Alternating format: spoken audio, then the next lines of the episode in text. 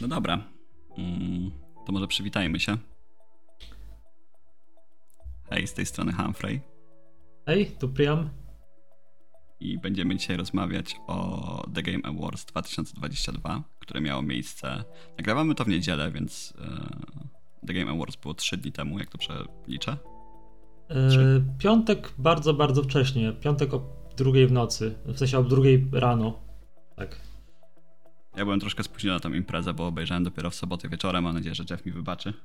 Ja siedziałem, siedziałem do y, trzeciej około i, i, jednak padłem wtedy. I tak w sumie zaskakująco, nie, nie planowałem, ale jakoś tak, no nie, nie spałem w okolicy drugiej, więc uznałem, dobra, usiądę na chwilę. No i tak godzinka mi zleciała. Ja miałem w planach nawet e, posiedzieć, mieliśmy nawet spróbować e, i wytrwać, ale miałem piątek taki, że miałem absolutnie cały dzień coś poza domem, więc e, no, musiałem, musiałem odpuścić. I w sumie to się cieszę, bo to i nie dziwię się, że. Bo nie dotrwałeś do końca, nie? Nie, nie. nie to, to było strasznie długie The Game Awards, mam wrażenie. Naprawdę? Chyba no, cały event miał około 2,5 godzin, nie? Tak, tak, gdzieś na YouTube, jak oglądałem jeszcze teraz A... powtórkę. Znaczy, zależy, czy liczysz pre-show, czy nie. Z Preshow to chyba miało w jakieś 5 godzin. Chociaż możliwe, że na tym filmiku nie, na YouTube, który Preshow był 3 godzinny. Bo ten mm. filmik ma 3,5 i wydaje mi się, że pierwsze pół jest puste. Potem jest pół godziny pre-show i potem już jest faktycznie chyba 2-2,5 głównego eventu. No, ale to chyba i tak. Zwykle to trwało jakieś 3 godziny. Nie? Nawet więcej. Możliwe. Sam też Jeff mówił, że teraz chcieli skondensować trochę te konkretne The Game Awards. Y... To... Można polemizować o tym, czy mu się udało, ale. Znaczy, e, e, nie wiem, czy to już jest pora na to, żebym się podzielił. E, ja jestem bardzo zadowolony, w sensie moje odczucia o tym The Game Awards jest, jestem bardzo zadowolony. Jeden chyba z najlepszych eventów takich growych, jaki widziałem w przeciągu ostatnich dwóch, trzech lat. Mhm. Po tych wszystkich e, pokazach firm osobno, czyli tam Sony osobno i tak dalej, gdzie trafiała się jedna, może dwie dobre gry, e, to to była pierwsza impreza, przez, e, w trakcie której nie pomyślałem sobie, Bożec zagra, kto będzie w to grał, w ogóle po co to wydawać. Mhm. Tutaj absolutnie, nawet jak coś mi nie pasowało, to nie, nie, myślałem, że jest to zła gra i co na to robi. E, może dwie, trzy mi się wydawały dość nudne i generyczne, ale tak to wow. Pewnie, zgadzam się w pełni. Wydaje mi się, że ze wszystkich y, Game Awards ostatnich ośmiu lat, no to, to ten był de definitywnie najlepszy i najciekawszy i też y, nie wiem, wydaje mi się, że tych reklam, które wcześniej były trochę takie natarczywe i było ich więcej, e, w, w tym roku trochę było tego mniej, więcej też gier. Jestem ciekaw, czy, czy, jak ty myślisz, czy na przykład to, że mieliśmy dużo takich dużych tytułów na, na tym konkretnym Game Awards, e, ma jakiś związek z tym, z taką fluktuacyjną sytuacją na E3 e, i tym Summer Game Festie, który wciąż jest nie do końca, wydaje mi się, określony, jeżeli chodzi o rozpoznanie wśród fir firm. Mhm. E, może tak, w sensie, no to jest prawdopodobnie w tym momencie najbardziej rozpoznawalna impreza growa, nie? Już Gamescom, no on był zawsze taki bardziej europejski chyba. Mhm, tak, e, tak. Tutaj bardziej, żeby ludzie przyjechali na miejscu i zagrali, niż taki poza tym opening Live Nightem, który i tak i tak prowadzi Jeff. no, e, tak, tak. Więc no wydaje mi się, że jak ktoś się chce gdzieś teraz pokazać z takim duży, dużą zapowiedzią, o ile nie jest to Sony, które na przykład pokazuje się na swoim evencie, no to The Game Awards to jest to miejsce, nie? Mhm. Kiedyś było E3 na tych różnych blokach, e, no, to, no to teraz prawdopodobnie jest ja, ja miałem taki, taki feeling zawsze, że w, w, ciągu roku, tak, E3 i wakacje to jest ten moment, kiedy dzieją się wszystkie odsłonięcia, wszystkie jakieś takie premierowe trailery, takie wiadomości, które są merytoryczne dla, dla game devu. A, a Game Awards był tym, tym, tym eventem, który zamykał rok i był taki raczej śmieszkowy, tak? On był taki, że no są nagrody, oczywiście gry wygrywają, y, rozpoznajemy najlepsze tytuły w ciągu roku, ale yy, no nie, nie dzieje się tam też nic takiego przełomowego, jak, jak wydaje mi się w tym roku uderzyło. Dużo reveali, yy, dużo naprawdę takich no zapowiadających się bardzo mocno tytułów. No tak, ale takich reveali, reveali to mam wrażenie, że nie było aż tak dużo takich gier, które widziałeś po raz pierwszy. E, Armored Core albo... No, no okej. Okay. Nowy Bioshock Kena Levina, który nie jest Bioshockiem. To, to też tak. będziemy o tym mówili za chwilę. pewnie trochę, trochę, trochę dokładniej. Ale wydaje mi się, że dalej, w sensie nie było nic takiego, co mnie wyrwało z siedzenia, o. Hideo Kojima z Death Stranding Ja, 2. właśnie, ja, ja będziesz chciał sam o tym powiedzieć, bo ja nie oglądałem, jako że jestem w trakcie kończenia jedynki. Mhm, mhm. E, myślę, że fani Death Stranding i Kojimy bardzo się ucieszyli i faktycznie mogło ich to wyrwać. Ja nie mam pojęcia, czym był ten trailer. I mam nadzieję, że tak zostanie. E, no, opowiem. tak. Ja też nie, nie grałem w Death Stranding. To z kolei ty masz większe doświadczenie z, z grą, bo miałeś ją w ręce. E, aczkolwiek ten trailer. Nie wiem, czy tam trailer był tak dobry, że mnie przekonał, ale sama jego obecność i że będzie dwójka sprawiała, że jednak usiądę e, i, i przynajmniej pogram, spróbuję. A być może nawet przejdę e, jedynkę teraz. Jedynka jest dobra. Tak napo- napominając tylko. E, ja do niej podchodziłem dwa razy, albo nawet trzy i dopiero za trzecim się wciągnąłem na dłużej. Głównie przez początek, który... Miałem złe nastawienie do tej gry. Wydawało mi się, że będzie trochę bardziej ślamazarna, a potem sobie przypomniałem, że kurde, to, dobra, to jest mimo wszystko gra od Hideo Kojimy. No nie będzie o niczym tak do końca i coś tam zadzieje w końcu i dotarłem do tego momentu, jak już coś się zadziało, no i od tego momentu już w miarę gładko. Więc...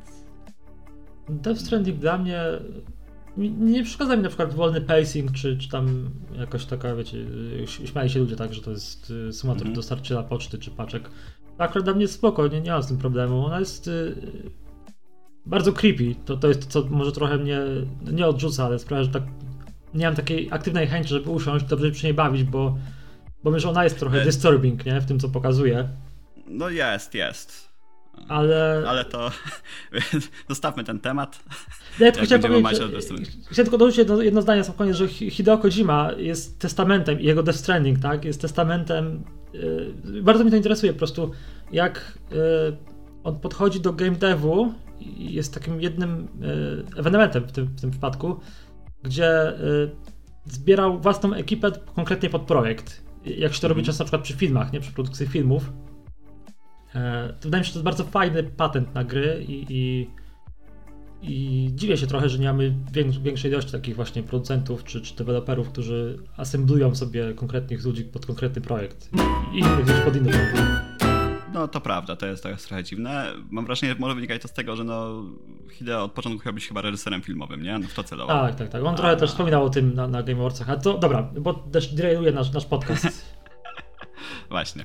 Eee, Game Awards, dobra. ja tylko chciałem powiedzieć, że y, mam taką kró- krótką pi- pigułkę historyczną przygotowaną, bo ja y, nie wiem, czy Hum- Humphrey, ty też oglądałeś Game Awardsy, zanim to jeszcze były Game Awardsy, bo kiedyś przed 2014 rokiem mieliśmy wciąż ten odpowiednik Oscarów dla, dla gier wideo, tylko one nazywały się wtedy Video Game Awards. Wiesz co, ja przed 2015 rokiem nie śledziłem tego jakoś bardzo. Ja tak szczerze mówiąc, to nie wiem, czy do Game Awards nie usiadłem w okolicach 2017-18 dopiero. Okej, Tak, żebym je na bieżąco śledził. Tak, także wszystko. Bo teraz e, mam otwartą listę z Game of the Year, e, Mhm. które wygrywały w poszczególnych latach. mhm. I, I nie pamiętam niczego poniżej 2020, ale na pewno oglądałem wcześniej. no wiesz, to było nie dawno temu, dziwnego, że nie pamiętasz. No, no, no. Natomiast e, na pewno nie oglądałem przed 2014, jak to się inaczej nazywało. E, Video Game Awards albo Spike Video Game Awards. Spike to, była, to był taki program, e, czy tam kanał właściwie, e, pod parasolem Paramount. I to był taki kanał telewizyjny celowany właśnie w takich młodszych odbiorców. e, I tam między innymi właśnie leciały gry wideo i, i oni też robili co roku od 2003 roku. Czyli to w ogóle jest stare, stare jak świat, naprawdę. Oni robili Video Game Awards i co ciekawe, od samego początku, od 2003 roku, e, tam w tym Spike Video Game Awards siedział Jeff Keighley i on to robił.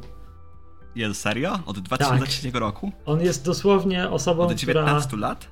Tak, tak, tak, tak, tak. Jest, Shit. jest uosobieniem nagród game devowych. Okej, nie miałem pojęcia. E, e, Cieszę się, że masz tą pigułkę, bo zastanawiałem się trochę skąd się wziął Jeff.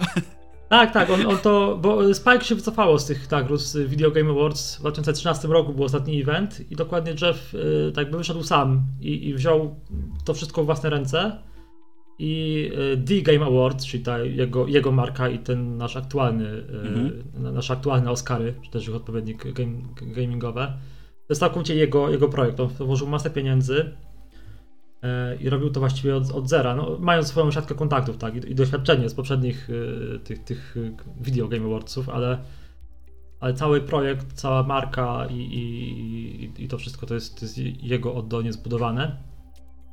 I też widać to, bo jak obejrzysz na przykład ostatnie Video Game Awards, czyli 2012-2013 rok, to miały spory budżet, i potem mhm. przychodzi sam Jeff Solo, który buduje wszystko od zera i jest tak. Jest trochę biedniej, tak? On też chyba mówił, że, że sporo. To jego projekt taki e, marzeń, tak? Czy, czy pasji.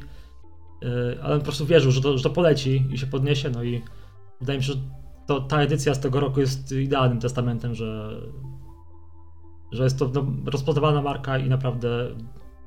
No tak jak mówiłeś, wydaje mi się, że największy event chyba w tej chwili. Mhm.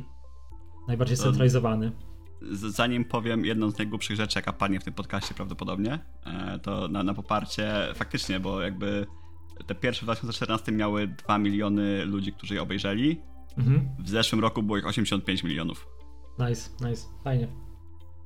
E, a co do najgłupszej rzeczy, może powinien się powstrzymać od mówienia tego, ale zastanawiałem się skąd się wziął Jeff Keighley i nie wiem czemu w mojej głowie nie, nie wiem skąd to się wzięło. Czy, pójdziemy w stronę Dorito i Mountain Dew? Nie. Myślałem, że to jakiś celebryta, którego po prostu kiedyś wybrali do tego, żeby prowadził jedne The Game Awards i on się rozsiadł w tym gamingowym świadku. On chyba nie był celebrytą, kiedy go prosili te 20 lat temu. No, zdaję, jakoś zdaję sobie sprawę, takie było jakby, przez to wiesz, jak dobrze to prowadził i tak dalej, i jak go widziałem tak naprawdę pierwszy raz, no to stwierdziłem, ja musi mieć jakieś doświadczenie w czymś. Tak ludzie też zapowiadali jak mnie, że o, konkretnie Jeff Keighley będzie to prowadził. Eee. I w ogóle wiesz, nie dotarło do mnie, że jakby on to wszystko zrobił, nie? Tylko tak, no wzięli takiego mhm. ziomka, trochę jak wiesz, rzucenie Day Nine'a do PC Gaming Show. Czaję, czaję. Więc no, no cieszę się, że wyprowadziłeś mnie z błędu. Ale chyba, chyba nie powinienem współprowadzić tego podcastu.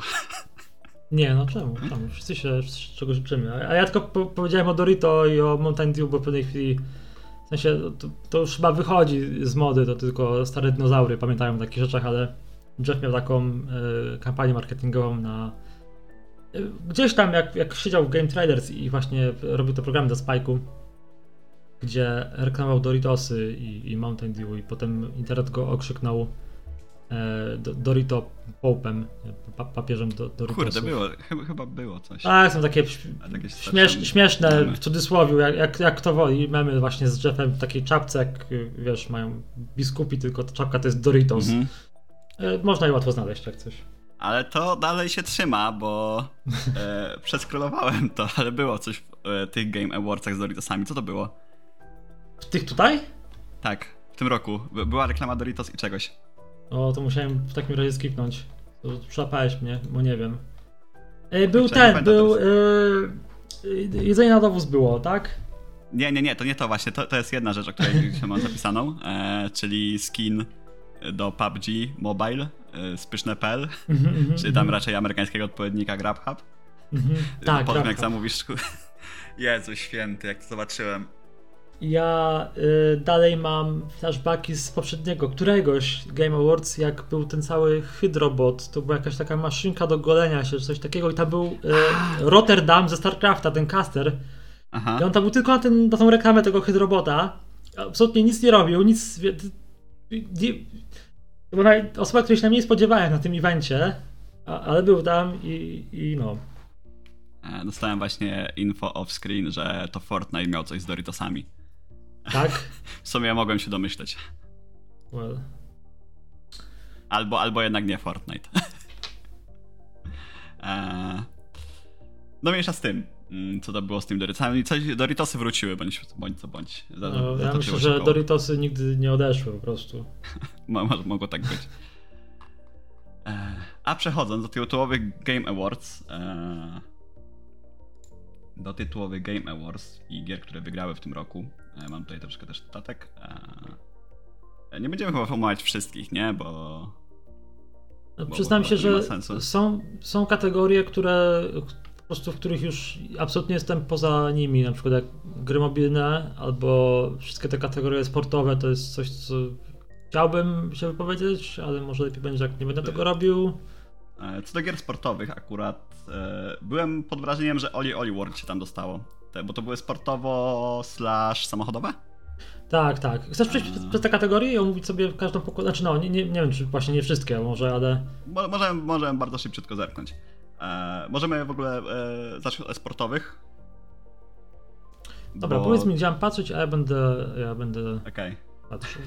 E, to zacznijmy sobie od sportowych e, kategorii, bo one będą mhm. bardzo szybkie i jedna, co zwróciłem uwagę, to jest przy okazji, to już nie dotyczy nawet samych, samego zwycięzcy, którym w tym roku był Valorant. E, jestem pod wrażeniem, że Rocket, League wróciło do, do listy, bo myślałem, że to jest gra, która dogorywa. Nie masz wrażenia, że jest tutaj Valorant, jest Counter-Strike, jest Dota 2, jest League of Legends i jest Rocket League i, i w kategorii wygrał Valorant, ale y, nie masz wrażenia, że to jest tak jakby te same 5 czy 6 gier od lat 5, które się tak, po prostu właśnie, rotują i... Właśnie do tego chciałem dążyć, bo jak sobie przejdziesz e, przez poprzednie mm, przez poprzednie lata, to między kolejnymi latami jest dosłownie jedna różnica zawsze. Są plus minus cztery te same gry i coś się zmienia, nie? Jak pójdziesz rok wcześniej, to na przykład e, nie wiem, tam wyrzucają chyba Dotę, a wrzucają Overwatcha, coś w tym -hmm, stylu, nie? Mhm. I, i to right. się, a potem wyrzucają, nie wiem, League of Legends, Valoranta chyba, wchodzi Call of Duty. Mm -hmm. I, I kurde, jest taki zastój trochę w tym esporcie, w sensie nie pojawia się dużo nowych gier esportowych. Plus poza Rocket League większość to są shootery, hero shootery lub e, gry w stylu League of Legends albo Doty. Mm -hmm. e, jestem ciekaw, czy, czy to się zmieni w ciągu najbliższych lat, czy powstanie jakaś gra, która gdzieś tam ten esportowy, no był jeszcze StarCraft 2, tak? Z RTS-ów, e, mm -hmm. o czym rozmawialiśmy w odcinku RTS-owym. Mm, ale jestem ciekaw, czy jakakolwiek inna e, kategoria gier, jakikolwiek inny rodzaj gier trafi do jakiejś takiej szerszej publiki sportowej. Jestem, jestem ciekaw, teraz jak o tym mówimy, mam, mam takie refleksje, no bo kiedy patrzę na historię sportów, no nie, no to oryginalnie mamy tego StarCrafta 1 przede wszystkim, tak, czyli lata 2000, 2000 do 2000 powiedzmy, 10 tak, to jest premiera StarCrafta 2. E, no i całkowita dominacja w Korei i, w RTS-ach, tak? StarCraft przede wszystkim. E, równolegle z nim CS, jeszcze 1.6 był całkiem popularny, jeżeli się nie mylę, e, w, w esportach. Miałem Quake, tak? Quake, wtedy się jeszcze grał w Quake'a czy Vanilla trochę. Jestem ciekaw, czy po prostu to może jest jakieś pytanie do, nie wiem, być może są jakieś prace z, z dziedziny wiem, psychologii na ten temat. Czy ten model, no bo te, te najpopularniejsze gry, tak, czyli Valorant, powiedzmy, który teraz wygrał, ale, ale League of Legends czy Dota, e, ten model kosmetyków i tych bohaterów, którzy mają swoje historie i wiemy, że Riot w tej chwili bardzo mocno rozwija różne takie spin-offy ze swojego uniwersum, tak, mamy serial mhm. w postaci Arkane, są jakieś takie pomniejsze gry typu Ruined King, tak, które mają postaci z, z League of Legends. Jakoś rozbudowują ich historię i narrację. Jestem ciekaw, czy to po prostu nie jest tak zbudowane, żeby ludzie, którzy już się zainwestują tak, w, w ten konkretny świat, e, są na tyle już e, przywiązani, że, że ciężko jest im przeskoczyć do jakiejś innej, na przykład mechanicznie lepszej, czy, czy wiesz, nowszej gry. I to nie napędza tego hype'u i popularności gier. Myślę, że możesz mieć trochę racji, ale wydaje mi się, że. Zastanawiam się na przykład, no bo Valorant to jest takie połączenie Counter-Strike'a i Overwatcha. No tak. I podejrzewam, że to ugryzło trochę fanbase'u z tej i z tej gry. E, plus być może trochę graczy Lola. E, ale tak, no może coś w tym być, nie? Że jakby. No, jak, jak my graliśmy w Overwatcha, tak? No to każdy miał swojego maina Mhm. Trochę ze względu na styl rozrywki, trochę ze względu na to, jaką postacią, jaką postać po prostu lubiło, tak? No bo, bo teraz wydaje mi się, że ludzie, którzy grają, są fanami League of Legends, to już nie jest tylko granie, to jest e, trochę część tożsamości danej osoby, trochę, trochę styl życia, tak? Trochę tak. Nie, chcę, tak. nie chcę brzmieć jak Czegoś... boomer, nie, ale e, ciężko było się zidentyfikować z jakimiś jednostkami zergów czy protosów kiedyś w StarCraftie i, i być może to też w jakiś sposób wpłynęło na popularność. Ale z, z, z, jednostkami tak, ale no już z samą konkretną e, rasą, którą się grało, to jak najbardziej myślę, że wiesz, tam proces for life i tak dalej, nie? I guess, I guess. E, myślę, że ludzie już się z tym dość identyfikowali. Może, może nie nawet z rasą jako taką, ale ze stylem gry, który z niej wynikał, z grania tą konkretną. Mm, mm. No tak, to, to Myślę, że może bardziej, bardziej z tym. Mhm. Jestem zdziwiony w ogóle, że Valorant wygrał, bo myślałem, że ta gra jest tak nie aż tak popularna jak CS czy League of Legends, ale może też ciężko zdawać nagrodę cały czas jednej czy, czy tym samym dwóm grom. Bo może dlatego też. E, ja jeszcze chciałem się. E, e, przepraszam, muszę to zrobić, ale chciałem się pośmiać, bo jak były wyczytywane te nagrody na początku, mhm. to tam w ogóle, bo to, prowadzi, bo to jeszcze było w pre-show i prowadziła to ta pani, której teraz imienia nazwiska zapomniałem, Sydney. Mhm. I ona jakby, to w tym preszu nie było dużo czasu, więc ona nawet nie wyczytała wszystkich, z tego co pamiętam, jakby nominowanych. I były trzy kategorie pod rząd. Był atlet, team i coach. Mhm. I pani tylko czytała e, bez esport atlet, jaj. A, bez tak. esport team, loud. Bez esport coach, bazooka. tak, tak, tak. To brzmiało tak komicznie. Ale wspomniałeś o Arkane e, i trzeba też dodać, że Arkane e, było tak dobre, że dostało też nagrodę za najlepszą adaptację. Byłem ciekaw, bo nie widziałem e, ani Arkane, ani Cyberpunk Edge Runners. Tak, w kategorii. Best Adaptation, ja tylko się wtrącę, jest, było nominowane, nominowane Arkane, Cyberpunk Edge Runners, Cuphead Show, Sonic the Hedgehog 2 i film Uncharted. I wygrał Arkane, tak. Tak. To, co mnie też ciekawi w tej kategorii, to jest co było na ostatnim miejscu? Uncharted czy Sonic? Chcia, chciałem też poznać drugi koniec tej kategorii. Widziałem tylko Arkane, widziałem tylko Cyberpunka, e, Edge Runnersów, nie oglądałem ani Cuphead Show, ani Sonica, ani Uncharted. Tych dwóch ostatnich tak by świadomą, bo jeszcze Cuphead Show jest ok, mógłbym obejrzeć, nie, nie, mam, nie mam problemu, ale Uncharted i Sonica tak świadomie unikałem. Wiedziałem, że to nie jest coś, co jednak chcę obejrzeć. Mhm. A jeżeli Arkane, to jakkolwiek nie jestem jakimś super, super wielkim fanem y, League of Legends, y, to serial jest naprawdę dobrze nakręcony. I wydaje mi się, y, super animacje, ale ma też bardzo ciekawą, fajną, fajnie opowiedzianą historię i bardzo takie realistyczne, fajne postaci. I wydaje mi się, że ludzie, którzy nie grają w League of Legends i nie znają backstory tych postaci, nawet wyciągną więcej z tego serialu, będą bardziej zaskoczeni. No właśnie jestem ciekaw, e, no bo ja w Lola grałem dawno temu i niedługo i nie kojarzę bohaterów absolutnie, więc jestem ciekaw, jak mi właśnie osoby, która w ogóle nie zainwestowana w ten świat, będzie to oglądało. Słyszałem, że dobrze też, że to jakby nie robi absolutnie żadnej różnicy. Mhm, mhm. Eee, no ale to jak już obejrzę, to, to się dowiem. Idąc dalej po kategoriach, eee, bo nie wiem, czy masz otwartą samą tabelkę co ja na Wikipedii. E, chyba tak, tak mi się wydaje. I, i, i, możemy już iść od dołu po prostu. Dobra. no to mamy Player's Voice, czyli głosowanie graczy. Mhm. E, I tu jestem, jestem zdziwiony i nie, że wygrał Genshin Impact. Okej, okay, ja, ja, też ponownie. E, nominowany, był, nominowane gry to były Genshin Impact, Elden Ring, God of War Ragnarok, Sonic Frontiers i Stray. I ja kliknąłem na, na tą kategorię jakoś, nie wiem, dzień czy dwa dni przed zamknięciem głosowania. I byłem bardzo zdziwiony na początku, jak zobaczyłem, że Genshin Impact tam prowadził chyba 80% było dla Genshin Impact, jakaś taka straszna dominacja. Jakieś tam mm. 17% na Elden Ringa i tam po procencie. Jakieś takie bez dwóch zdań, bo wiadomo, że, że po prostu te, te gry się nie odbiją, nie, nie, nie przebiją tego Elden Ringa. Mm. No ale potem sobie pomyślałem, że rzeczywiście jednak audiencja, rynek jest tak duży dla Genshin Impact i... No tak, tak. Ja ze swojej strony chciałem powiedzieć, że chciałbym umieć jarać się Genshin Impact. Zrobiłem dwa podejścia do tej gry i dwa, dwa razy się odbiłem. Okay. Chciałbym się jarać i nią grać, ale i w nią grać, ale, ale jakoś mi nie wychodzi. E, natomiast no, była tam kontrowersja e, związana z tym, że ponoć. Tylko właśnie wydawało mi się, że słyszałem to o Elden Ringu i Ragnaroku, i dlatego myślałem, że one będą dużo wyżej. Mhm. Bo na Twitterze mi mignęło, że e, ukryli w pewnym momencie wyniki głosowania na żywo. Bo właśnie zrobił się duży ruch zakładania kont i botów, żeby dana gra wygrała. Tak, to jest, znaczy okej, okay, nie słyszałem o tej konkretnej, nie wiem czy to jest prawda czy nie, bo akurat to mnie ominęło, ale, bo też przejdziemy tak do, do gry Game of the Year, tak, ale tak, tak. tam też był nominowany właśnie God of War Ragnarok między innymi i Eden Ring. Jak tylko pokazali, że Zresztą ludzie już chyba wcześniej wiedzieli, nie, że te dwie gry będą takimi głównymi kontenderami do gry roku no, no, no. w tym roku.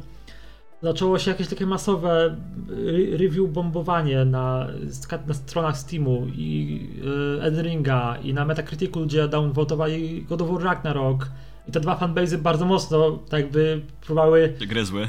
Tak, tak.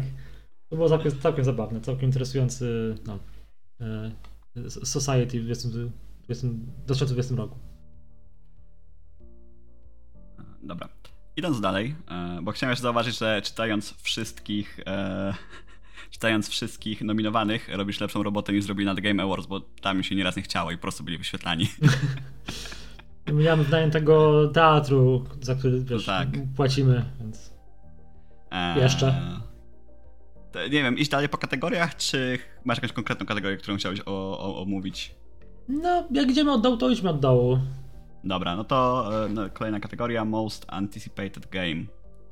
Tak. I tutaj mieliśmy, to teraz ja sobie pozwolę mhm. przejść szybko. E, the Legend of Zelda Tears of the Kingdom, czyli Breath of the Wild 2. Mhm. E, co jest śmieszne, to ta nazwa chyba tak się średnio przyjęła, że ludzie dalej po prostu mówią Breath of the Wild 2. E, z tego co przynajmniej widziałem często na Twitterze, jeżeli widzę coś, to często ludzie po prostu mówią Breath of the Wild 2, nie, nie mówią, że Tears of the Kingdom. E, Final Fantasy XVI, Hogwarts e, Legacy, Resident Evil 4, remake oczywiście i Starfield. I wygrało Dum Dum Dum, Legends of Zelda oczywiście. Tak. Nie jestem zaskoczony, szczerze mówiąc. Dla mnie również. Nie wiem, czy to jest mój wybór, ale też nie dziwię się, zwłaszcza po recepcji Breath of the Wild, oryginalny Breath of the Wild, mhm. wciąż ląduje, jak czasem jakieś portale gamingowe robią swoje top 100 najlepszych gier wszechczasów w galaktyce i w kosmosie, to nierzadko Breath of the Wild jest na pierwszym miejscu, albo, albo przynajmniej bardzo, bardzo wysoko. No. Ja nie, nie ukrywam, że nie zapałem tej gry aż tak bardzo tro, trochę mi się wydawała pusta. Ja uszedłem do, do tej Zeldy, do Breath of the Wild później niż wszyscy inni, parę lat później. E, ale, ale wciąż na mnie czeka i to w takim wczesnym stadium, bo no nie, nie porwało mnie aż tak bardzo jak całej jak, reszty świata. Jak Angelika to ten podcast e, usłyszy, to, to zginiesz tak samo jak ja. Bo ja miałem, ja miałem trochę podobne odczucia i, i zawsze mi się obrywało w domu za to. E, roz, rozumiem, gra wygląda ślicznie, ma fajne, fajną fizykę i tak dalej. Widzę, co jest w niej dobre, e, tylko nie wiem, może, może jest jakiś problem z mindsetem, tak, że gdybym mógł tak. usiąść sobie tak naprawdę, nie wiem, na werandzie, tak, na swoim fotelu bujanym, e, przed swoim pastwiskiem, tak, tak, i sobie po prostu połazić i się cieszyć. No, wydaje mi się, że tak, że to jest taki jakby dorosłość cię zabiła w tobie zdolność trochę tak, dobrej po prostu. Tak. Chyba tak jest. I też nie dziwię się, że namówią tym Breath of the Wild 2 o Tears of the Kingdom, bo no to, co pokazali, nie pokazali dużo, prawda, z tej gry, ale no, wygląda jak Breath of the Wild 2. Tak, tak. E, kolejny. E, Best Debut Indie Game. I tutaj mieliśmy nominowanych Stray, Neon White, Norco, nie wiem czym jest Norco, Tunic i Vampire Survivors. I wygrało Stray. Ja muszę czytać nie od góry do dołu, tylko jakoś zamieniać kolejność, bo wtedy wiesz, wszyscy się zorientują za chwilę. Zawsze... A, tak. okej. Okay, to prawda, bo na, na Wikipedii na górze jest gra, która wygrała. Tak. E... Dwóch gier z tej listy nie znam. To jest Neon White i Norco. Ale widziałeś gameplay z Neon White? Nie, nie widziałem. Nie? To zobacz, bo to jest... Przynajmniej sobie zobacz gameplay, bo wygląda ciekawie, wygląda nowo. Wygląda świeżo. E, to jest okay. taki FPS karcianka. Okej, okay, zupełnie, zupełnie przeleciało to nade mną w takim razie. Um. Jak, e, nie wiem czy wiesz jak wyglądała walka w Kingdom Hearts e, Chain of Memories? Jak dobrze pamiętam? Nawet nie wiem, które to jest Kingdom Hearts. Okej, okay. no to w, w, Chain of Memories było tak, że jakby miało się karty właśnie i w trakcie walki jakby po prostu używałeś karty atakując przeciwników. I w Neon White jest podobnie. Hmm. Okay. Masz, tylko to jest FPS, taki dość szybki. E, mi interesująco. Na pewno sobie ogarnę jakiś gameplay, ale e, czy Stray według ciebie zasługuje nagrodę na najlepszy debiut indie? Na pewno najgłośniejszy debiut indie. Hmm. Czy najlepszy nie wiem, bo nie grałem w żadną z tych gier. Poza klonem Vampire Survivors, e, które, e, który jest e, fanowską grą o VTuberkach. A i nazywa się Holocure, jakby ktoś chciał zagrać. Miałem nadzieję, że w sensie. No. no. E, ale tak, ale no, wydaje mi się, że straight zasłużenie, no przynajmniej z tego co słyszałem, to, to wydaje mi się, że, że mogło to być zasłużone. No to też zależy jak na to patrzy metodologicznie, no nie? No bo oczywiście największa definitywnie premiera z gier indie w tym roku, ale wydaje mi się, że taki Vampire Survivors będzie miał dużo większe, dłuższe nogi, zwłaszcza, że już jest parę klonów tego gatunku. No. I no, no i właśnie. No ja skończy, skończy, skończyłem Streja, e, a był przyjemny, tylko taki. To, był experience, nie? A, a, nie gra per se. No tak, trochę tak to wygląda. Trochę tak to wygląda, to prawda, jak experience, a nie, a nie gra. Hmm, idąc dalej, e, możesz zapowiedzieć kolejną kategorię. E, czy to będzie Best Multiplayer Game? Jup. Okej, okay, tutaj mamy tak, nominowany, nominowane gry to Overwatch 2, Multiversus, Platoon 3, Call of Duty Modern Warfare 2 i Teenage Mutant Ninja Turtles Shredder's, Shredder's Revenge. I e, najlepszą grą multiplayer zostało w tym roku, został Splatoon 3. Ja się, chciałem powiedzieć, że się zgadzam, ale tylko w Splatoon 3 grałem z tych gier.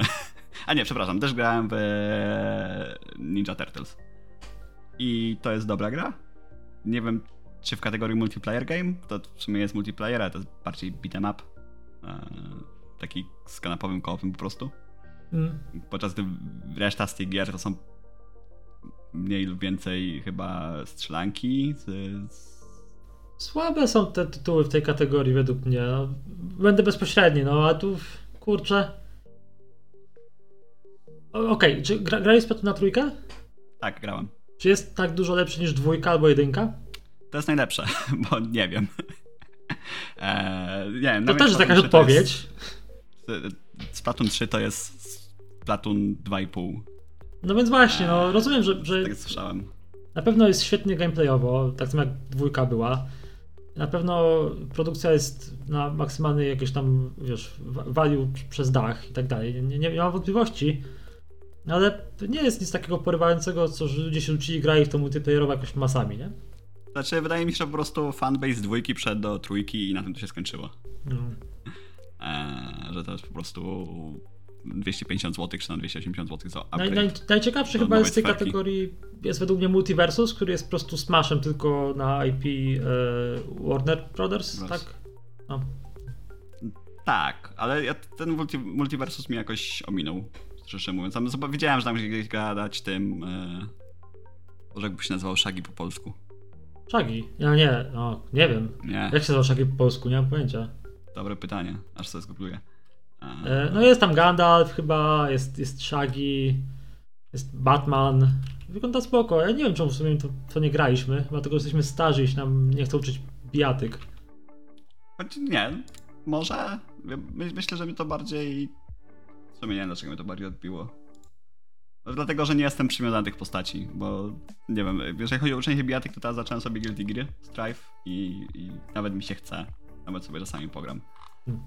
Więc to nie jest tak, że nie chciałbym się tego nauczyć. Zresztą dużo w Smasha grałem, jak wyszedł. Eee, natomiast faktycznie eee, wydaje mi się, że to tak. Że założyłem, że to jest dla fanów Warner Bros. po prostu. I ich IP-ków.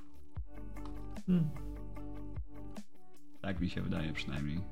Kudłaty, o. Kudłaty, okej. Okay. No, to był kudłaty. Był taki ktoś. Musiałem, musiałem to znaleźć. Nie chcę być A... przesadnie, nie chcę być przesadnie jeszcze złośliwy, no ale fakt, że mamy tutaj e, szybko policzę 5 gier, tak, w kategorii, jedną z nich jest Overwatch 2 jako contender, trochę mówi o jakości kategorii. Troszkę tak. No to, to jest tylko mój uszczypliwy, mój uszczypliwy komentarz. Okej. Okay. Mm, kolejna kategoria. Proszę, proszę, mój towarzyszu. Najlepszy sim slash strategy game. I mamy tutaj Dune Spice Wars, Two Point Campus, Total War Warhammer 3, Victoria 3 i Mario plus Rabbids Sparks of Hope. I e, najlepszym sim slash strategy game jest Mario plus Rabbids Sparks of Hope. Jestem naprawdę zdziwiony. Y, liczyłem, znaczy liczyłem, myślałem, że wygra to Two Point Campus. Naprawdę? Nie Warhammer? Grałem w Warhammera 3, nie podobał mi się. Okej. Okay. Nie, wiem jak tobie. Ja, ja się trochę odbiłem. Ja grałem tylko w dwójkę i w jedynkę i były bardzo przyjemne. Nie, czy trójka nie miała jakichś problemów technicznych przy, przy starcie? Z ja rozruchem? Nie. Ja myślę, znaczy ja się odbiłem od świata Warhammera może w ten sposób. Jakby nie chciało mi się wchodzić w ten świat. No jest duży świat, okay, tam okay. trzeba dużo umieć. Jak, bo do tej pory moim ulubionym Talwarem jest Talwar Rome. Eee, spędziłem najwięcej czasu ze wszystkich Talwarów i najlepiej się przy nim bawiłem. Eee, był stosunkowo prosty, był stosunkowo rozbudowany. I no i wiedziałem, że kiedyś był Rzym, nie? Right. E, w Warhammerze 3 tam wchodzisz w ten fantazy świat, ale właśnie masz te... Mm, i no i właśnie, tam jeszcze było zarządzanie jednostkami, takie trochę mikrowanie ich skillami. To oczywiście jest to ciekawe, nie? No bo jak, nie wiem, jak przyniesiemy na przykład, zamienimy Warhammera 3 na świat The Lord of the Rings, to podejrzewam, że być może bardziej bym się wciągnął, bo jestem po prostu bardziej związany z tym mm -hmm, uniwersum. Mm -hmm, pewnie. A, ale no. No oczywiście, Mario i, i Kurdiki, e, tak się chyba po polsku nazywają, nie? Kurdiki. E, kurdiki są, są trochę zaskakujące tutaj. Mm, no tak. Ja tak, nie, nie, nie, nie, ukrywam, że nie grałem, więc... Ja też nie, właśnie muszę nadrobić. E, no bo Dune Space Wars, e, w to akurat chwilę sobie pograłem e, i też nie porwało mnie. Było fajne na jedną, dwie rozgrywki, ale mam wrażenie, że jak widziałeś dwie rozgrywki, to widać już całą grę plus minus. Hmm, Okej, okay. muszę to ograć, bo, bo jest na mojej liście, ale ja też wiem, że oni chyba dają cały czas rzeczy do tej gry, prawda? Ona nie jest tak w pełni już w wersji 1.0. Możliwe, że jest, tak, możliwe, że to jest jeszcze early access albo, albo jest tam jakieś patchowanie, ale nie, nie widziałem jakby, żeby jakoś, nie widziałem jakby przyszłości dla tej gry może w ten sposób.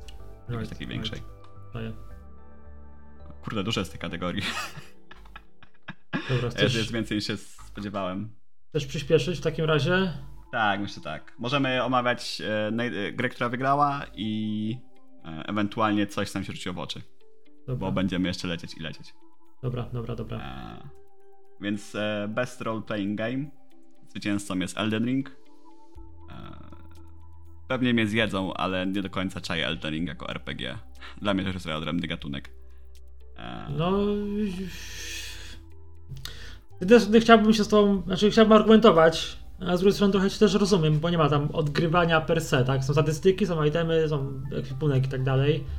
Klasyczno-RPGowy. Nie ma... Znaczy, dalej są questy, masz, masz pewną agendę, możesz questy robić albo ich nie robić, tak? W sensie masz decyzje, które podejmujesz, jest parę zakończeń w grze. Mhm. Ale wiem, co masz na myśli, nie? Tak. Nie, nie, nie jest taka tam sztampowa gra RPG, nie? Czy nawet action RPG. No tak. Eee, więc...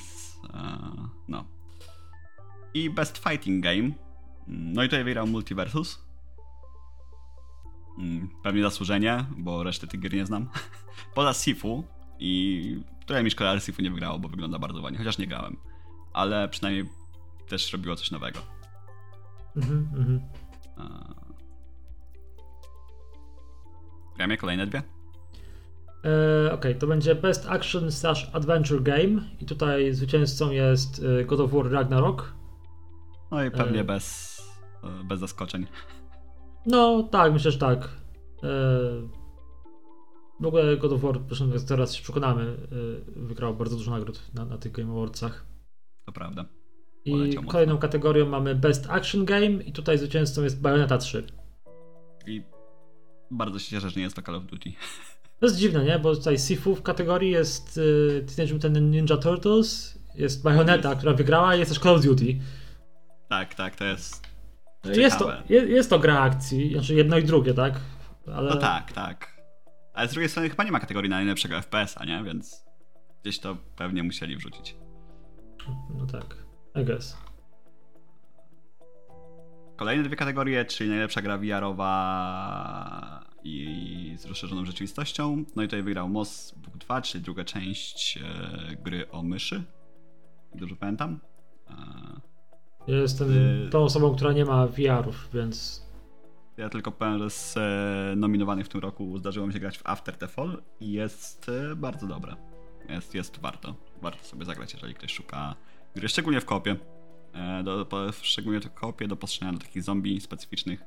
Bardzo, bardzo fajnie z After the Fall. A także innowacje w dostępności, że tak sobie pozwolę przetłumaczyć.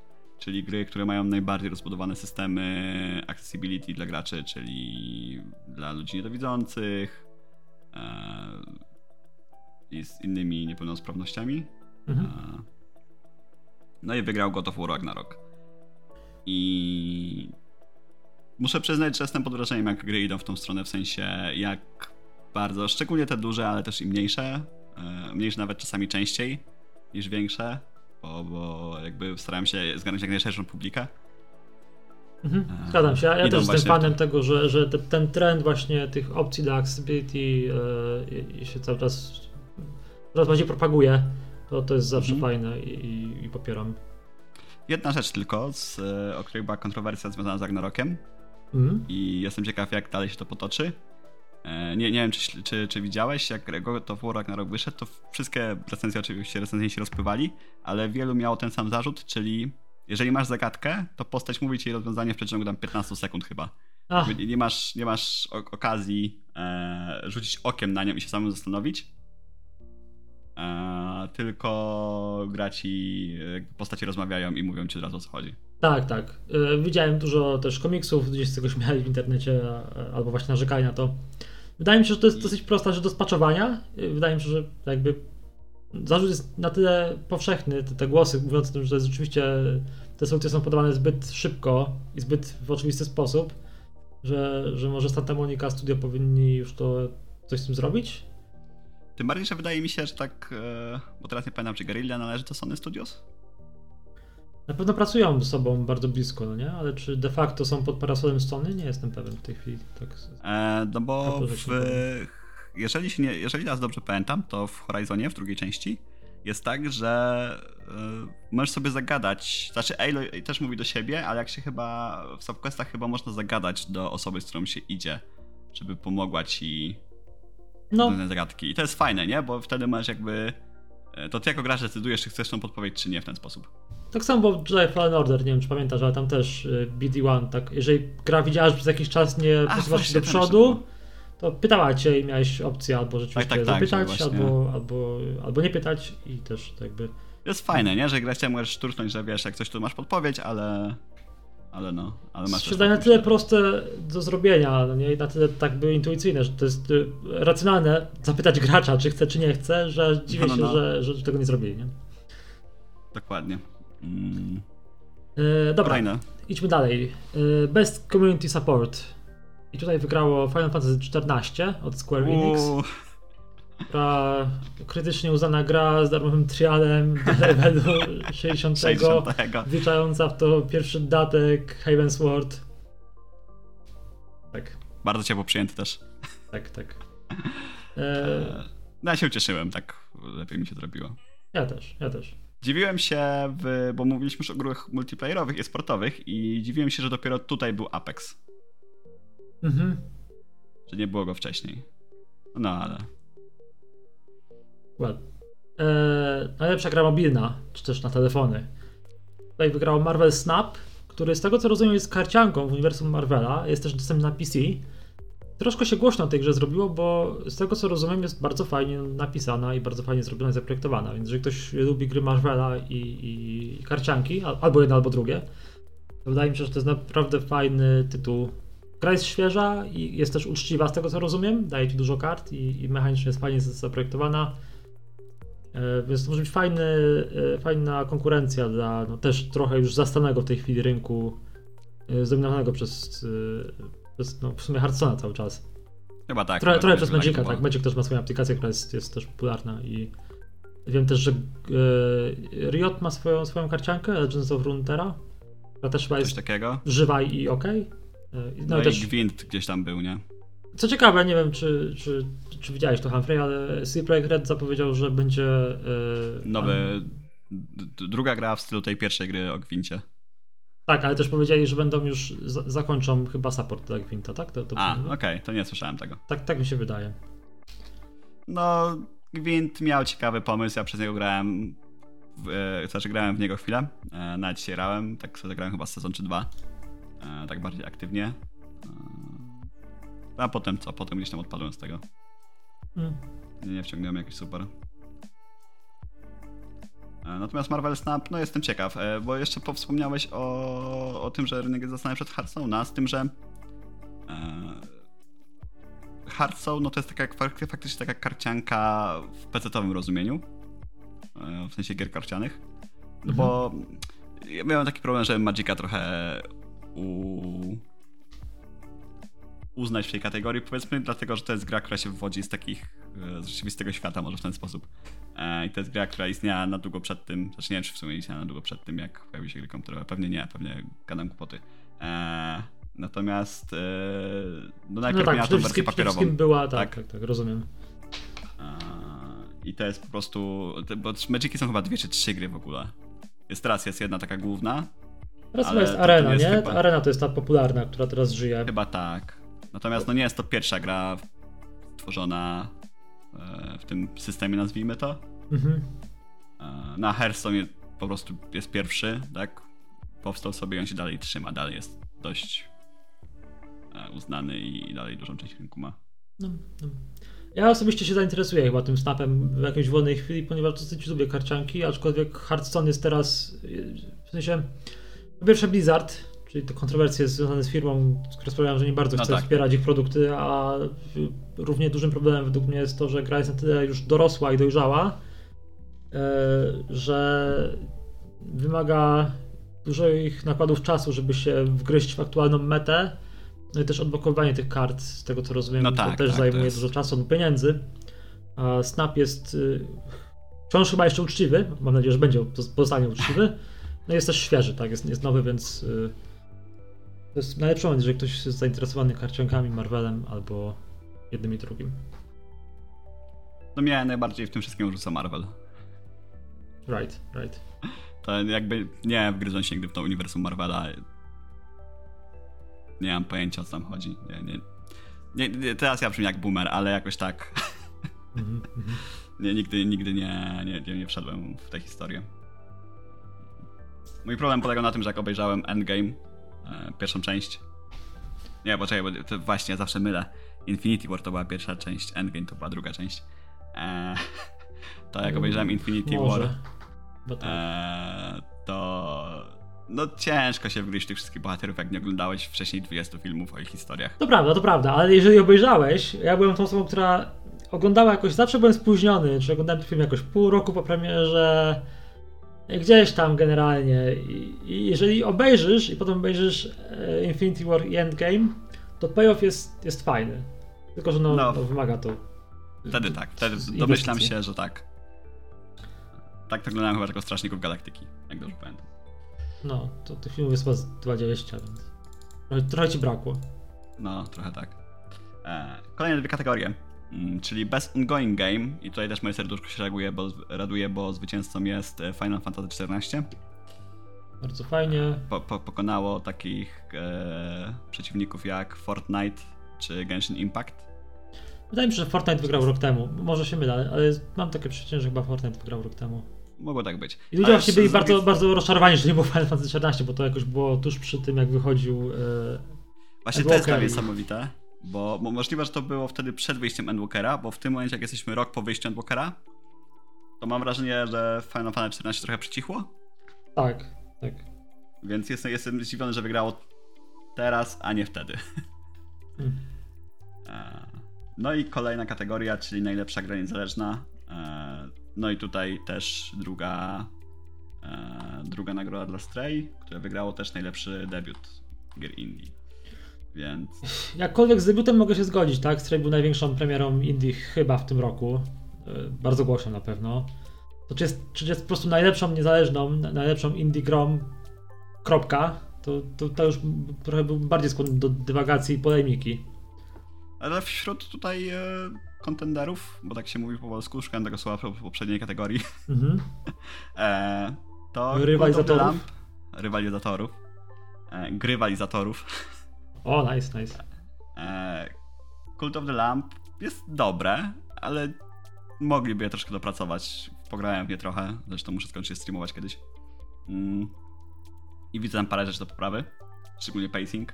Neon White, no w to nie grałem. Sifu Tunic też nie grałem, ale wydaje mi się, że te gry wszystkie są dobre.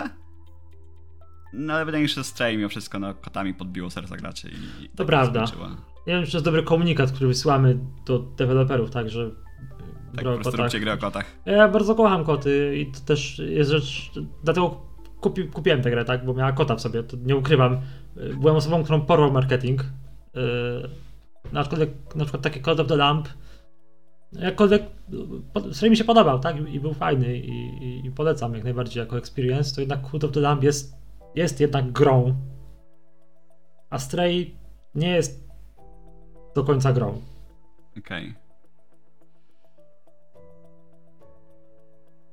No zgadzam się w sumie. Że, że. Znaczy, zgadzam się, nie zgadzam. No, nie, nie grałem, więc ciężko mi powiedzieć, ale no, może, może były bardziej grywalne gry, powiedzmy w ten sposób. E, wydaje mi się, że tutaj być może powinien nazywać Vampire Survivors. Bo jednak no, naprawdę no. zrobiło duży impact. E, a jak już o impakcie mowa. Mhm. E, kolejna kategoria to jest Games for Impact. E, I tutaj przyznam się szczerze, znam tylko jedną grę z całej tej listy i to taką, która nie wygrała, a zwycięzcą w tej kategorii był As Dusk Falls. Mm, no ja właśnie, zabolało mnie to osobiście, że, bo to też takie trochę indie gry. Mhm. Mm, większość z nich przynajmniej i naprawdę kojarzyłem tylko chyba dwa tytuły stąd. Właśnie As Dusk Falls, czyli Zwycięzca i End Endling, Extinction is Forever. Ale to też kojarzymy głównie z, trailerów. I trochę bolało to, że tych takich najciekawszych gier nie było nich aż tak głośno, nie, nie dotarły do mnie ze swoim marketingiem. Opowiedz mi o tej grze, która wygrała. Ty, ty grałeś w ten As Dusk Falls? Nie, nie. Ale wiesz nie, coś na jej temat? Możesz coś powiedzieć? Powiem ci, że pod The Game Awards wiem mniej niż myślałem, że wiem. Bo okay. pani, która odbierała nagrodę, mówiła, że to jest multiplayerowe doświadczenie. Tak. Ja myślałem, że to jest storytellingowa gra bardziej w stylu e, gier od Telltale Games. Tak. W obu przypadkach, wydaje, wydaje mi się, że w obu przypadkach tak. Jak pani powiedziała słowo multiplayer, to miałem takie, co? Okej. Okay. Więc no ja, ja... Nie, nie powiem nic więcej. Jedną z tych gier, które grałem w tym, w tym roku, czy, czy kojarzę, to jest Citizen Sleeper, nominowany tutaj w tej kategorii, który był, y, jest, jest taką grą mocno inspirowaną chciałby się rzec y, Disco Elysium, albo też Pentimentem, który wszedł trochę później.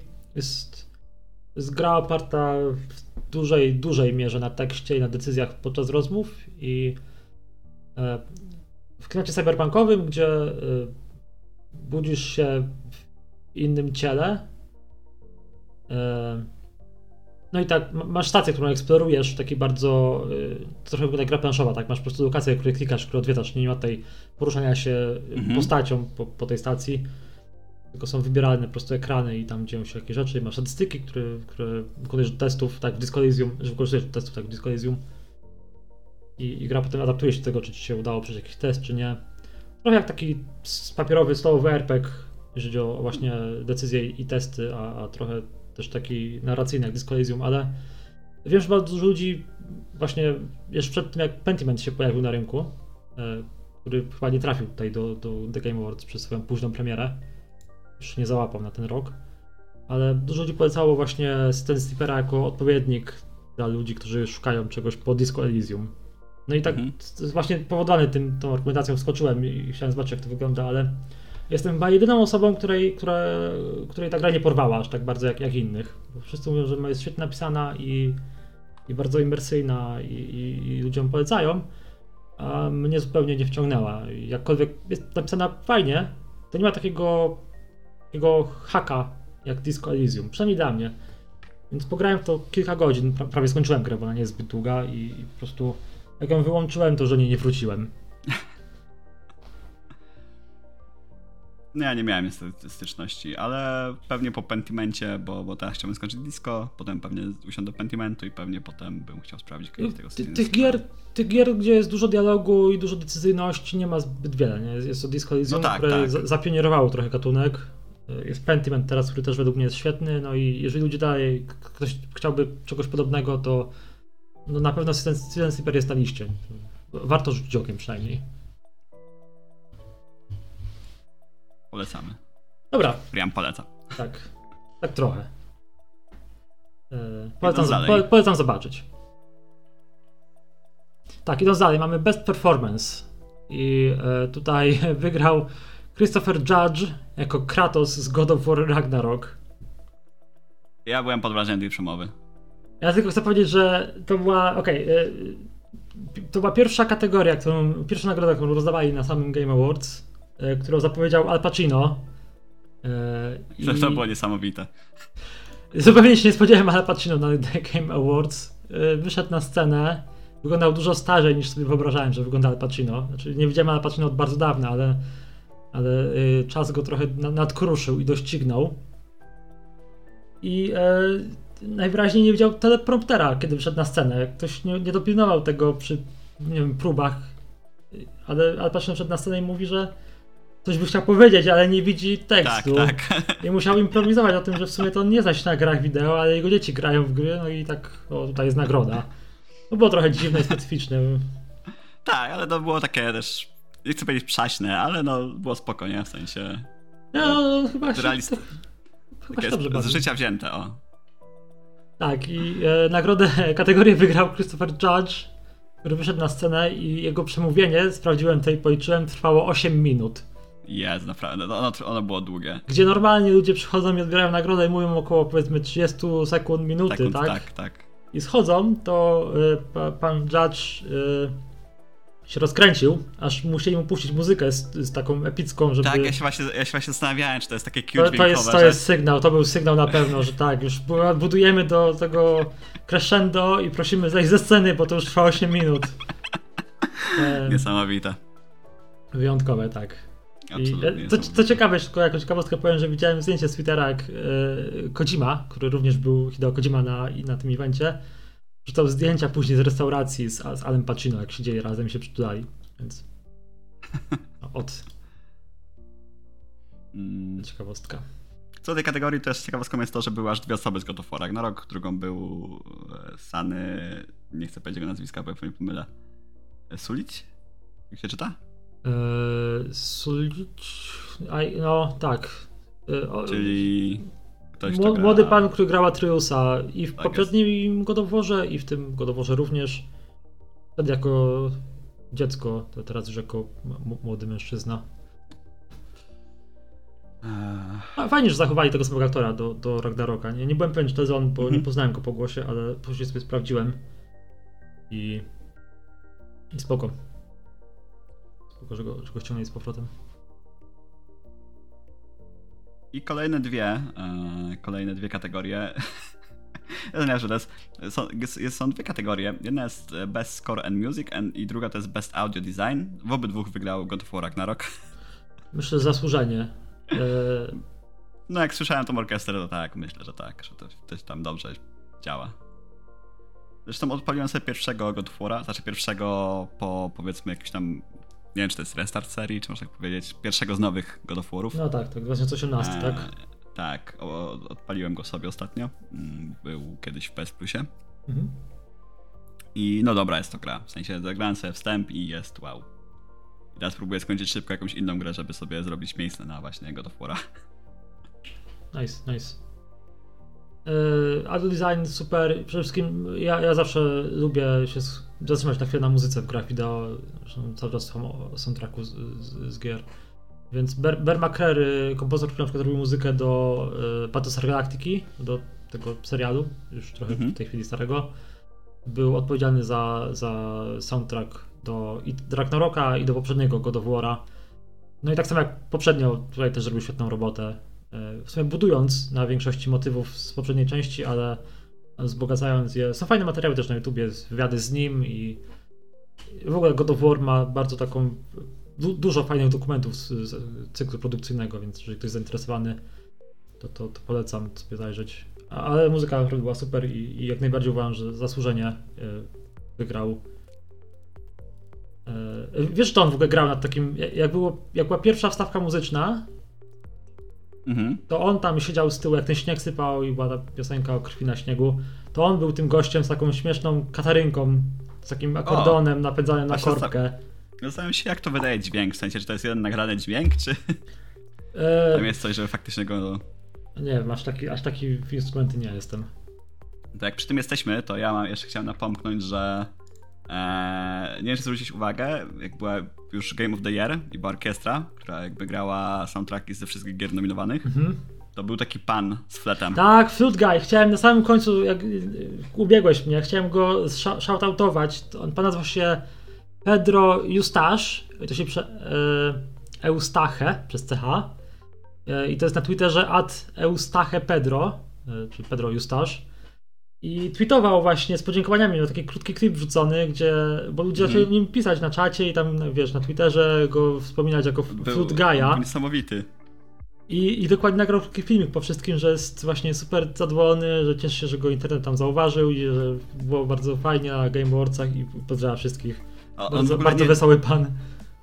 Nie, nie wiem na ilu fletach on grał, doliczyłem się trzech. Tak, tak, zmieniał instrumenty w trakcie i to bardzo dynamicznie, bo, bo ujęcie Jakby na niego, k- kamerzysta w ogóle świetna robota, jak, zoomy na niego, pan bardzo ekspresywnie No, no. w tym flecie, flecie poginał. Po czym było jakieś inne ujęcie, taki powrót, powrót do niego i gość miał zupełnie inny flet, inny, inny instrument w, w, ręce. No, E. nie, nie, niesamowite to było. Du- Duża, duża energia zdecydowanie od niego. Więc pozdrawiam ciepło. Eee, dobra, ostatnie. E, mamy cztery kategorie przed nami, tak. Best Art Direction. I tutaj zwycięzcą jest Elden Ring. No nie dziwi mnie to.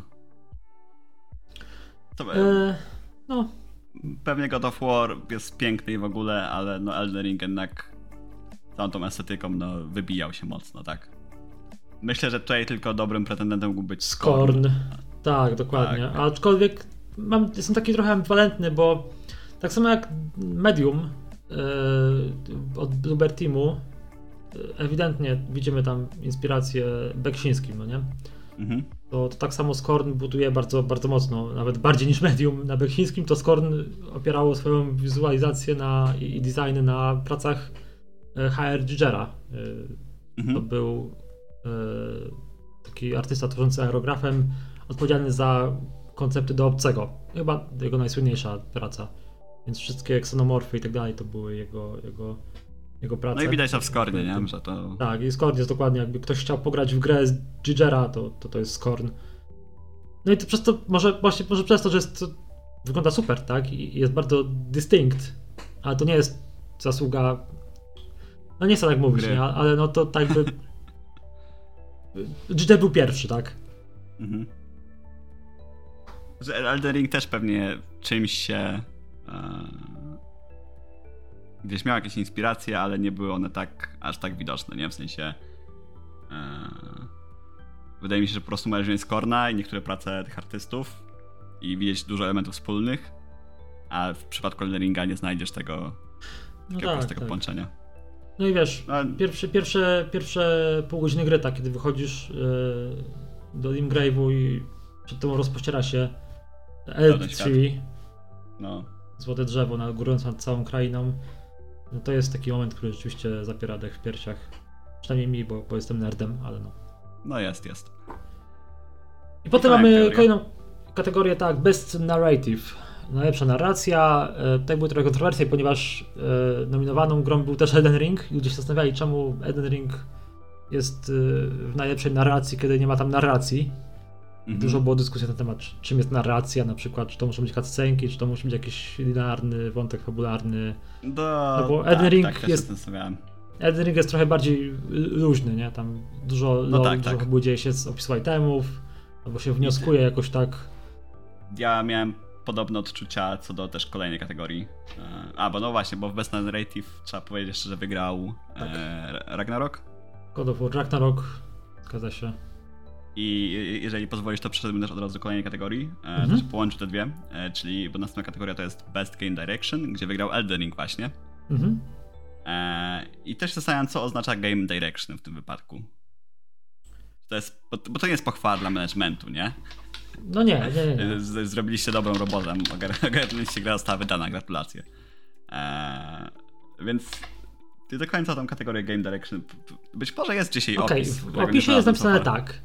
Nagrodzony za outstanding, czyli nadzwyczajną kreatywną wizję i innowacje w game direction and design.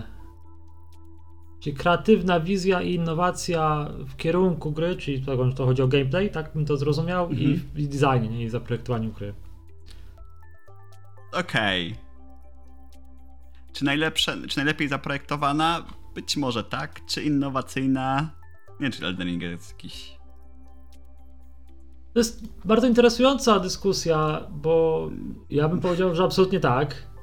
Zgubiłem gdzieś Wikipedię w tej chwili w zakładkach z, tym, z tymi nagrodami, ale powiedziałbym, że absolutnie tak, ponieważ Okej, przy, przyjmijmy za pewien innowacyjny punkt, jeżeli chodzi o gry open, open worldowe, nie z otwartym światem, Mhm. tą formę Ubisoftu, nie? która zaczęła się Mhm. Assassin's Creed 1, Open world. powiedzmy, coś takiego. No, coś takiego, no.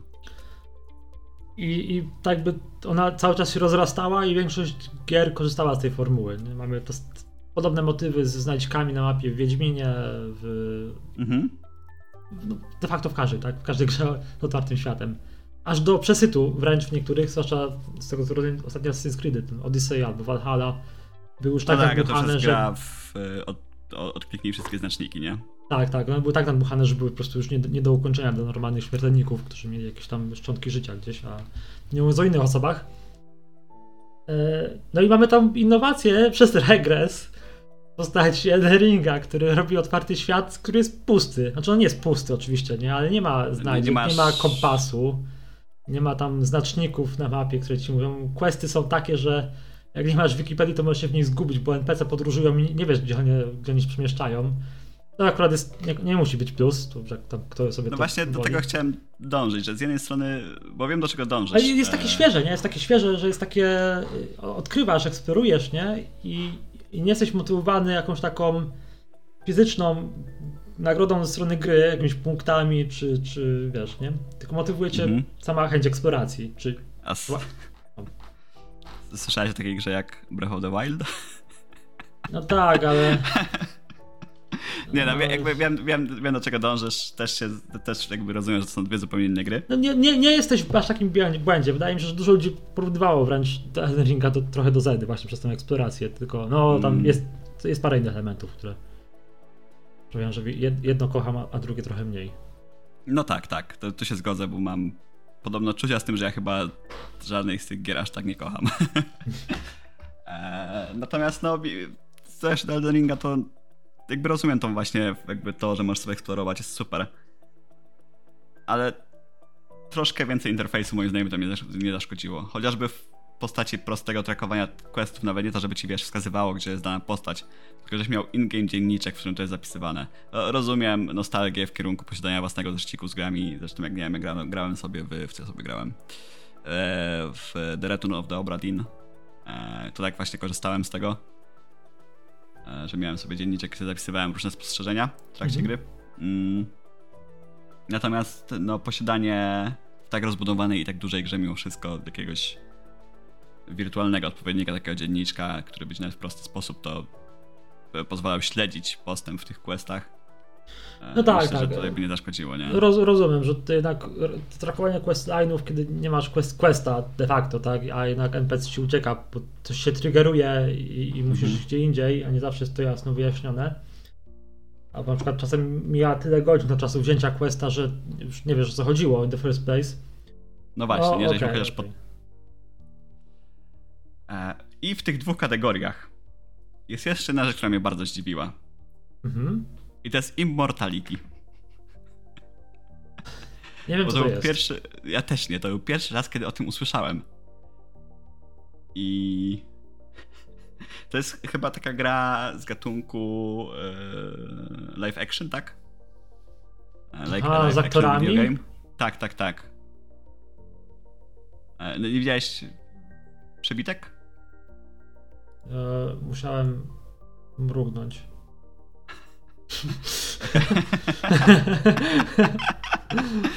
więc, więc tak, więc pojawiło się to Immortality, o którym nie słyszałem nigdy i dotarło tak wysoko w e, właśnie w tych dwóch kategoriach, czy najlepszej narracji, najlepszej, ga- najlepszego game direction. Eee, I nie wiem, no chyba muszę się tym zainteresować, bo, bo absolutnie naprawdę nie wiem, co to jest. E, wy- Wydawało mi się, że to jest takie troszkę... E, teraz kurczę nie pamiętam, jak ta gra rzeczywiście się nazywała. Mm, była taka gra indie, e, że były wywiady z A, taką panią Her taśmach. Story. Her Story właśnie. E, I, i mam, miałem wrażenie, że to jest coś w podobie, ale mogę się tutaj troszkę mylić. Ale Her Story, kiedy wyszło, parę lat temu to było, jak zresztą wszystko w mojej pamięci było parę lat temu, eee, to Her Story też wygrało nagrodę za narrację, jeżeli się nie mylę, albo, albo coś, coś To dostało za... Tak, tak, tak, tak. Też, też było uznane tak czy jak było głośno o tej grze. Właśnie muszę, muszę zobaczyć to Immortality, bo naprawdę wyskoczyło dla mnie znikąd. E, no to co? Dum Dum, Game of the Year. Game of the Year. Wy jak eee, słuchacie, to już pewnie wiecie, co wygrało. Wygrał My, My Beloved Elden Ring. Tak. E, I szczerze przyznam, że jestem zaskoczony. Naprawdę? Jak ludzie się żarli pomiędzy God of War'em a Elden Ringiem, kto wygra, która gra jest gorsza i się minusowali i się rzucali Tak, swoje jestem zaskoczony, bo myślałem, że Ja siedziałem, byłem na chillu, że wiedziałem, że Elden Ring wygra. Wiedziałem to. Ja, ja nie byłem pewien. Zakładałem, że na Ragnarok, że jednak zrobił większy impact. Wydaje mi się, że problem z Ragnarokiem był taki, że on był trochę za bardzo jak ten z 2018 roku. Że był jednak za mało było nowych, nowych, no, nowości w tej grze. Zastanawiam się też, na ile w tym jest fakt, że jest to ekskluzyw. Bo to jest ekskluzyw, prawda? Jest, jest.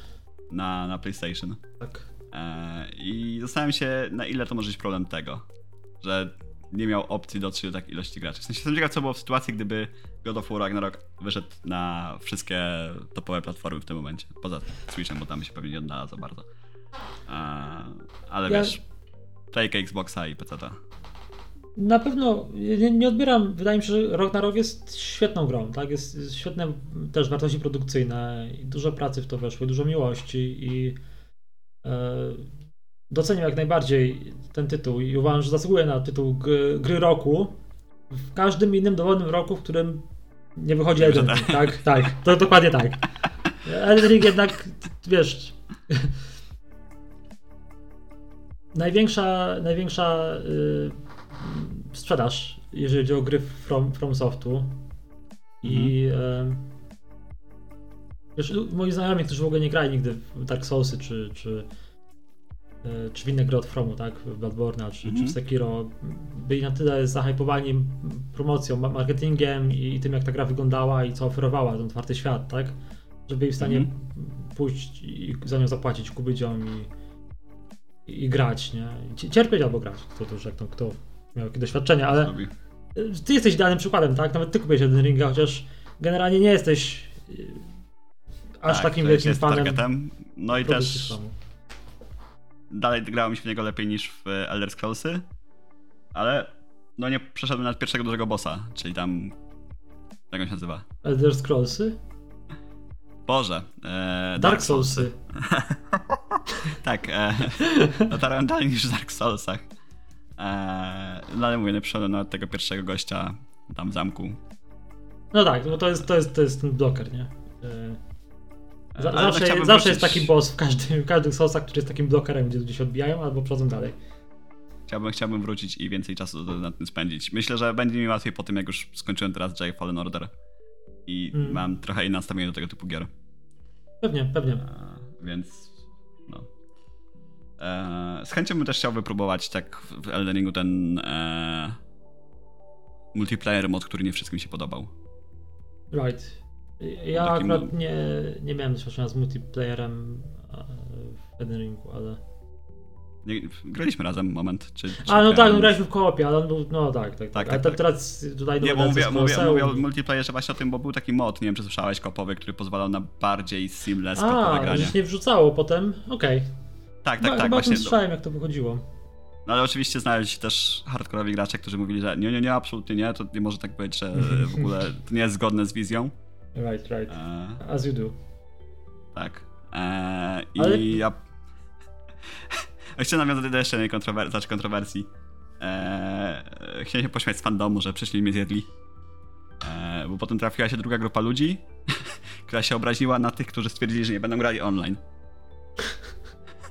Bo nie chcą PvP i ta gra, grupa ludzi, która gra PvP się obraziła, że im psują rozgrywkę. Bo nie mają kogo inwadować. As you do.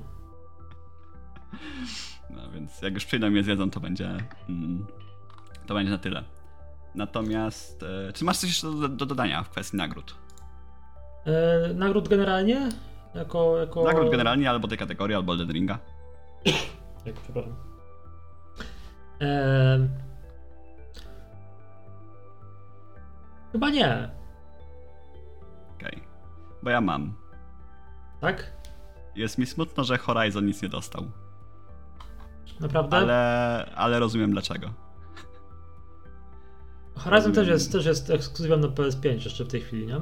Tak, tak. No, e, jest mi smutno, że nie dostał absolutnie nic, ale rozumiem dlaczego nic nie dostał.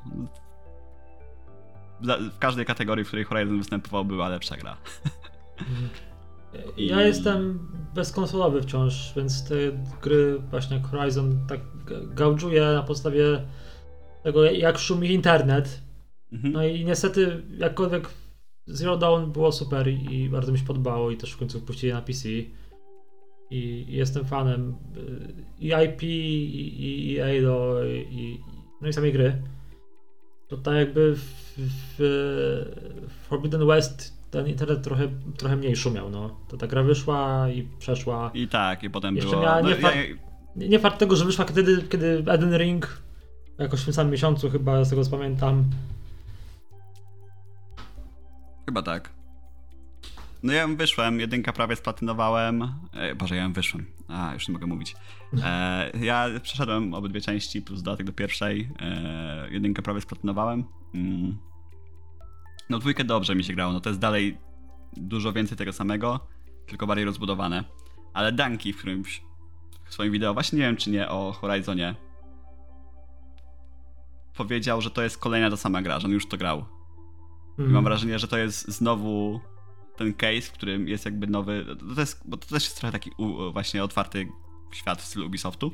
Mm-hmm. E, no i to czuć, w sensie gra, gra, grałeś już w takie gry. Nie konkretnie w tym świecie, ale grałeś w tą grę. Tak no i dlatego właśnie Elden Ring wygrał Best Game Direction. Najwyższa innowacja w świecie otwarty, gier, otwarty z otwartym światem. Czyli powrót do korzeni. No, zgadza się, no. Już nie będę się kłócił. No. Ale teraz troszkę chciałem wspomnieć o tym Horizonie, bo to jest dalej dobra gra. E, chciałbym, żeby ją poszli w troszkę innym kierunku, szczególnie jeżeli chodzi o gameplay i, i parę innych. I narracja była spoko. Świat jest super, ale gameplayowo ja już się troszkę zacząłem gubić. I nie rozumiem tam niektórych decyzji, głównie z ekwipunkiem, a to jest w ogóle osobna historia. Mówię, mówię teraz dużo o tym, bo w pewnym momencie sobie usiadłem i zacząłem pisać scenariusz filmu, jakbym kiedyś chciał pomówić o Horizonie, bo byłem tak zły po tych 60-70 godzinach za parę naprawdę bardzo głupich decyzji, które nie, nie, pod, nie podobały mi się bardzo w tym, gdzie Horizon poszedł. Mam nadzieję, że te ataki trójka będą lepsze. Right. Hmm. No dobra, to mamy nagrody za sobą i to miał być ten krótki segment. Aha, ten mniej interesujący, tak? tak, ten mniej interesujący i króciutki segment. Dlatego ja myślę, że możemy sobie pozwolić na małą 3-5 minutową przerwę. Eee... Dobra. Witamy po przerwie. Czas na zapowiedzi growe. Eee, tak. Tyle już było o, o wygranych na The Game Awards. W sumie to cieszę się, że ten segment wyszedł dłuższy niż, e, niż planowaliśmy, bo jednym z takich rzeczy, które mi się po tym The Game Awards zostały, jest to, że w The Game Awards jest w sumie trochę mało awards. Nie spodziewałem się, że, będzie, że będziemy tak długo mówili o tych nagrodach. Myślałem, że przejdziemy przez to trochę szybciej. Ja, ja też nie, ale, ale cieszę się, że w sumie tak wyszło. E, natomiast mam jeszcze tylko takie, taką znowu info off-screen. E, w roku, w którym e, wyszedł pierwszy Horizon, to był 2017, wtedy wygrała Zelda -hmm. roku. Horizon też był nominowany w dużej ilości kategorii, w żadnej nie wygrał. Well, akurat smutne, bo oryginalny Horizon był całkiem, wydaje mi się, no, na pewno był bardzo dobry, ale też był, był, był po prostu dość ciekawy. świeży wtedy. Właśnie, był po prostu ciekawy. Oh well. No dobra. E, e, nie mam pomysłu na formułę, idąc dalej, szczerze mówiąc. Ja po prostu oglądałem sobie, oglądałem sobie The Game Awards i notowałem sobie wszystkie rzeczy, które się po kolei. Ja mam wypunktowane te rzeczy, które, o których chciałem powiedzieć. Te, ta, też tak jak szedł Game Awards, więc pewnie się będziemy pogrywali z.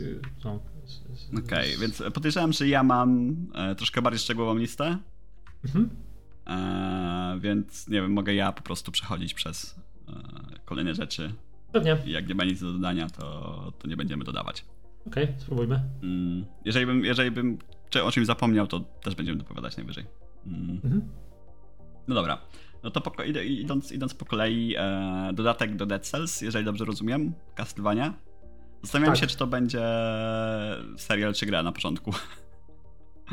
Mi się postacie bardziej skojarzyły jednak z tymi chyba serialowymi z tego anime Netflixowego. Mhm, mhm. E, w Dead Cells nie grałem za dużo, grałem chwilę u, u znajomego i całkiem się podobało. Myślę, że dla fanów Castlevania to może być niezły kąsek. Yy, chyba jeden z takich fajniejszych roguelike'ów. Wydaje mi się, że na pewno był. Nie wiem, czy dalej jest na Game Passie. Ja go tam ogrywałem przez, przez parę godzinek. Bardzo przyjemne sterowanie, fajne, fajna mechanika z kupowania upgrade'ów i tak dalej. Yy, jest jak najbardziej, naj, jak najbardziej spoko. Mm, następne było Vampire Survivors na telefonach. Yy, zapowiedziane. No spoko, chyba, no, chyba już jest, można chyba już je ściągnąć w tej chwili. A, Jeżeli masz tak. telefon, to możesz sobie wklikać i sobie yy, przetrwać jako wampir. Jest, jest za darmo. Dodatek do Valiant Hearts. Valiant Hearts niestety nie grałem. To już, to już wyszło jakiś czas temu.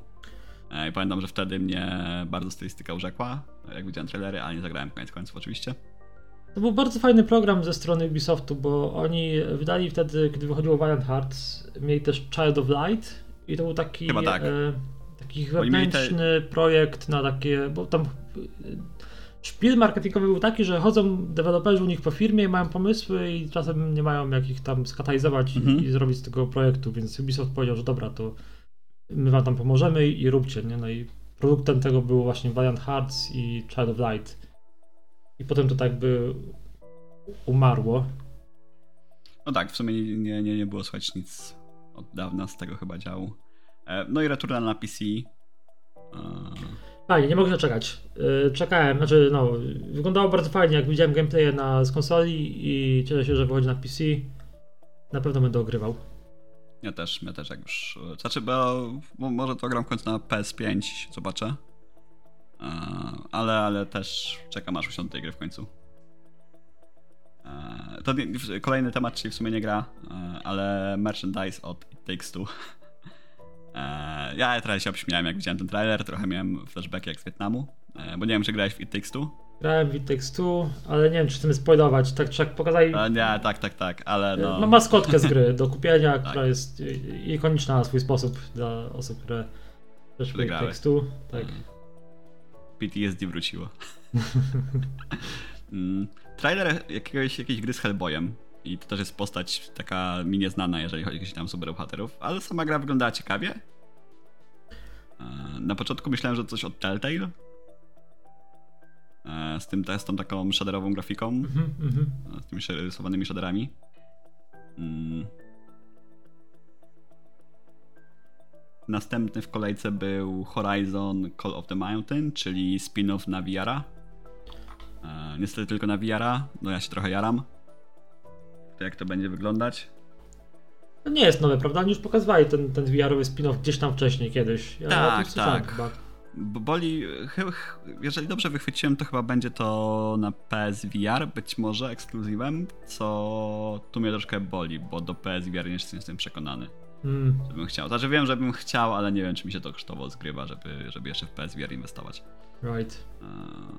Jak może przeportuję kiedyś na Oculusa. Chyba, że ma też wyjść na Oculusa i się mylę w tym momencie. Hmm.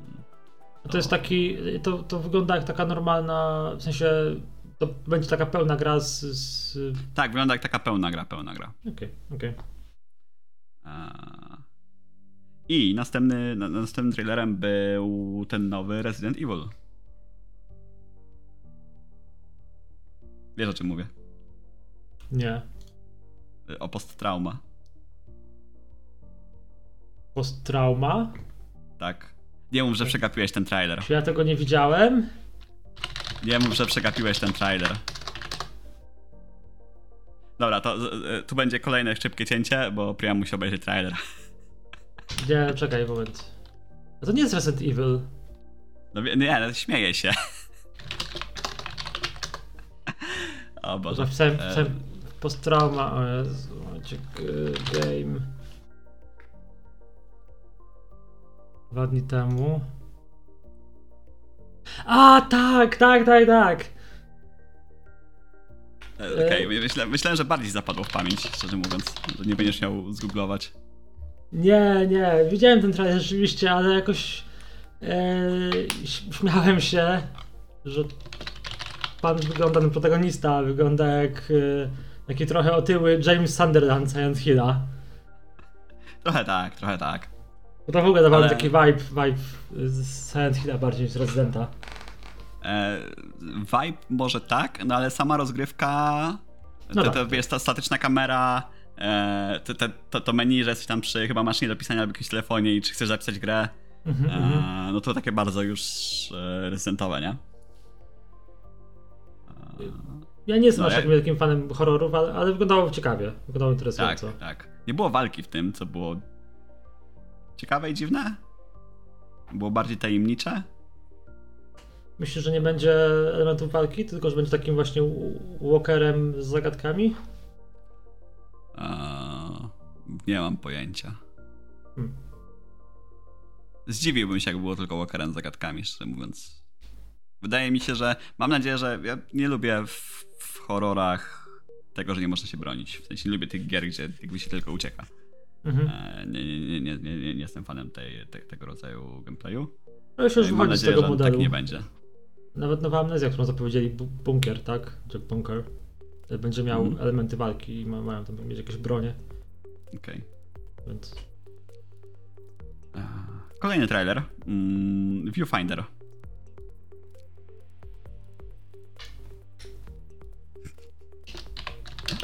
E, no dobra. Tutaj zrobię cięcie po prostu. E, Bo ty robisz z pre-show, a ja nie... Czy ja oglądałem pre-show? Aha, dobra, już widzę, że to jest, okej, okej. Ja nie a to robię... jest pre-show? To jest pre-show. Sorry. Ja myślałem, że to wszystko było na tym. Ja, ja to obejrzałem, ale ten, ale... Mm, Ja, ja, ja skopałem, bo miałem kategorie inaczej podzielone.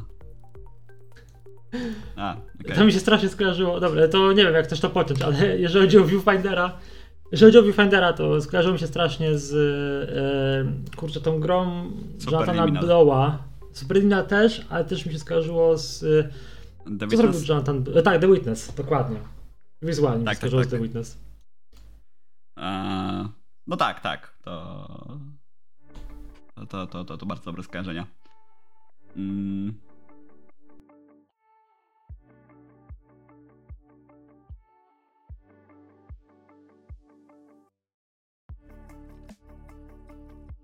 Kolejny trailer, czyli Returnal, tylko że taki bez wracania chyba. Eee, była gra, która nazywała się Scars Above i taki sci-fi shooter tego co widziałem z perspektywy trzeciej osoby. Wyglądał mimo wszystko dość ciekawie.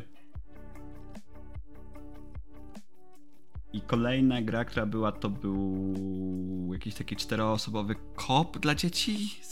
Taki kreskówkowy. Eee, Na pokazywanym tym pre-show. Ale jakoś też to troszkę tak ominąłem. Natomiast kolejna rzecz, która mnie trochę przekonuje i trochę zaciekawiła, to jest nowy tryb gry w e, Among Us. Amogus. W Amogusie, tak. Amogus będzie tryb gry sus. polegający na hide and seeku, gdzie jakby od razu będzie wiadomo, kto jest zabójcą, tylko nie będzie można go zgłosić i wyrzucić, a trzeba będzie się przed nim ukrywać i wykonywać jakby zadania pokryjomu. I to jest, to jest ciekawe, to jest bardzo dobry spin tego, moim zdaniem przynajmniej, to jest bardzo dobry spin tego, co ta gra już ma w sobie i, i z chęcią bym wrócił i zagrał. Ja tylko muszę, muszę powiedzieć, że znaczy, bardzo się cieszę za, za cały sukces tych deweloperów z, z Among Us i, i uważam, że gra też jest super jak najbardziej. Nie mam przeciwko samej gry, ale muzyka w tym trailerze jest nie najlepsza. Boże, co tam była za muzyka? Jest jakaś taka najprostsza gitara elektryczna z jakimś podkładem, z jakąś taką bardzo prostą perkusją, o ile Kurczę, już nie pamiętam. No, jest to bardzo, A- bardzo generycznie to brzmi po prostu i e, no, rzuciło mi się w uszy. Ale Ale co do tak. muzyki w trailerach, to mam dalej opinię. No, jest. Potem będziemy mówili o grze, która mi się muzycznie też inspiruje mnie muzycznie do tego, żeby o niej coś opowiedzieć. Mhm. E, nie wiem, czy zgadniesz, która to jest gra, ale. Chyba, chyba nie. E, to jest ale... Forspoken, ale to do tego jeszcze dotrzemy. A, tak, tak, to ja mam to samo. No, to e, czekam na to, czekam aż to dojdziemy. Ale do Forspoken jeszcze kawałek. Mm. No, nie spoilujmy. Nie wiem na ile odrobiłeś już preszą. Tak, tak, jestem już na bieżąco. Okej, okay, jesteś na bieżąco. E, kolejna gra była, kolejna gra nazywa się After Us. I to też wydaje, wygląda jak bardziej experience niż gra. Mm, no. Ładna, trochę jak Journey bym powiedział. Chociaż y, naszej setting wygląda zdecydowanie. Z chęcią bym zagrał. Pewnie będzie długa. Kurczę, ja miałem takie wrażenie, że ta gra biła mnie w tym, tym trailerze, że ona mnie biła po twarzy tym takim głębokim w cudzysłowie przekazem, że tak, tak. O tak matko, wygląda. matka natura płacze, o wysypiska śmieci, o... I no, no, tak właśnie. Troszkę tak. Tro, troszkę trochę za tak. bardzo in, in, in your face, albo też in my face konkretnie. No. Ale mimo wszystko zaciekawiła mnie. Mimo wszystko sprawiła, że gdzieś ją tam zapamiętałem. Sure, sure. E, natomiast następna gra zrobiła na mnie duże wrażenie, nie tylko na mnie, z tego co wiem. E, I jest to Replaced. E, z tą pikselową grafiką. Wygląda bardzo fajnie. Wygląda niesamowicie dobrze. Nie mam pojęcia, czy to będzie przygodówka point and click, bo. Bo jedyne co. To, to wygląda jak brawler, bo on na tym trailerze się bije ludzi. No właśnie, i nie wiem, czy to są kasenki, czy to jest faktycznie część gameplayu jako takiego bo ten motyw, w którym nabijesz ludzi, on nie wygląda na zbyt czytelny, na coś, co robisz szybko. Eee, więc z tej strony mnie zastanawia, ale no klimat jest nieciężki, stylistyka jest naprawdę dobra. Fajnie wygląda, bardzo, bardzo interesująco. To, to na pewno trafia na listę rzeczy, na które gdzieś tam patrzę. Yep, yep. I, i, sobie, I sobie czekam. Eee, kolejny był Street Fighter. Nie mam absolutnie nic do powiedzenia na ten temat. Cieszę się, że to chodzi nowy. Ja, ja lubię Street Fightery. Są ok. Fajnie. Tak? No. Okej. Okay.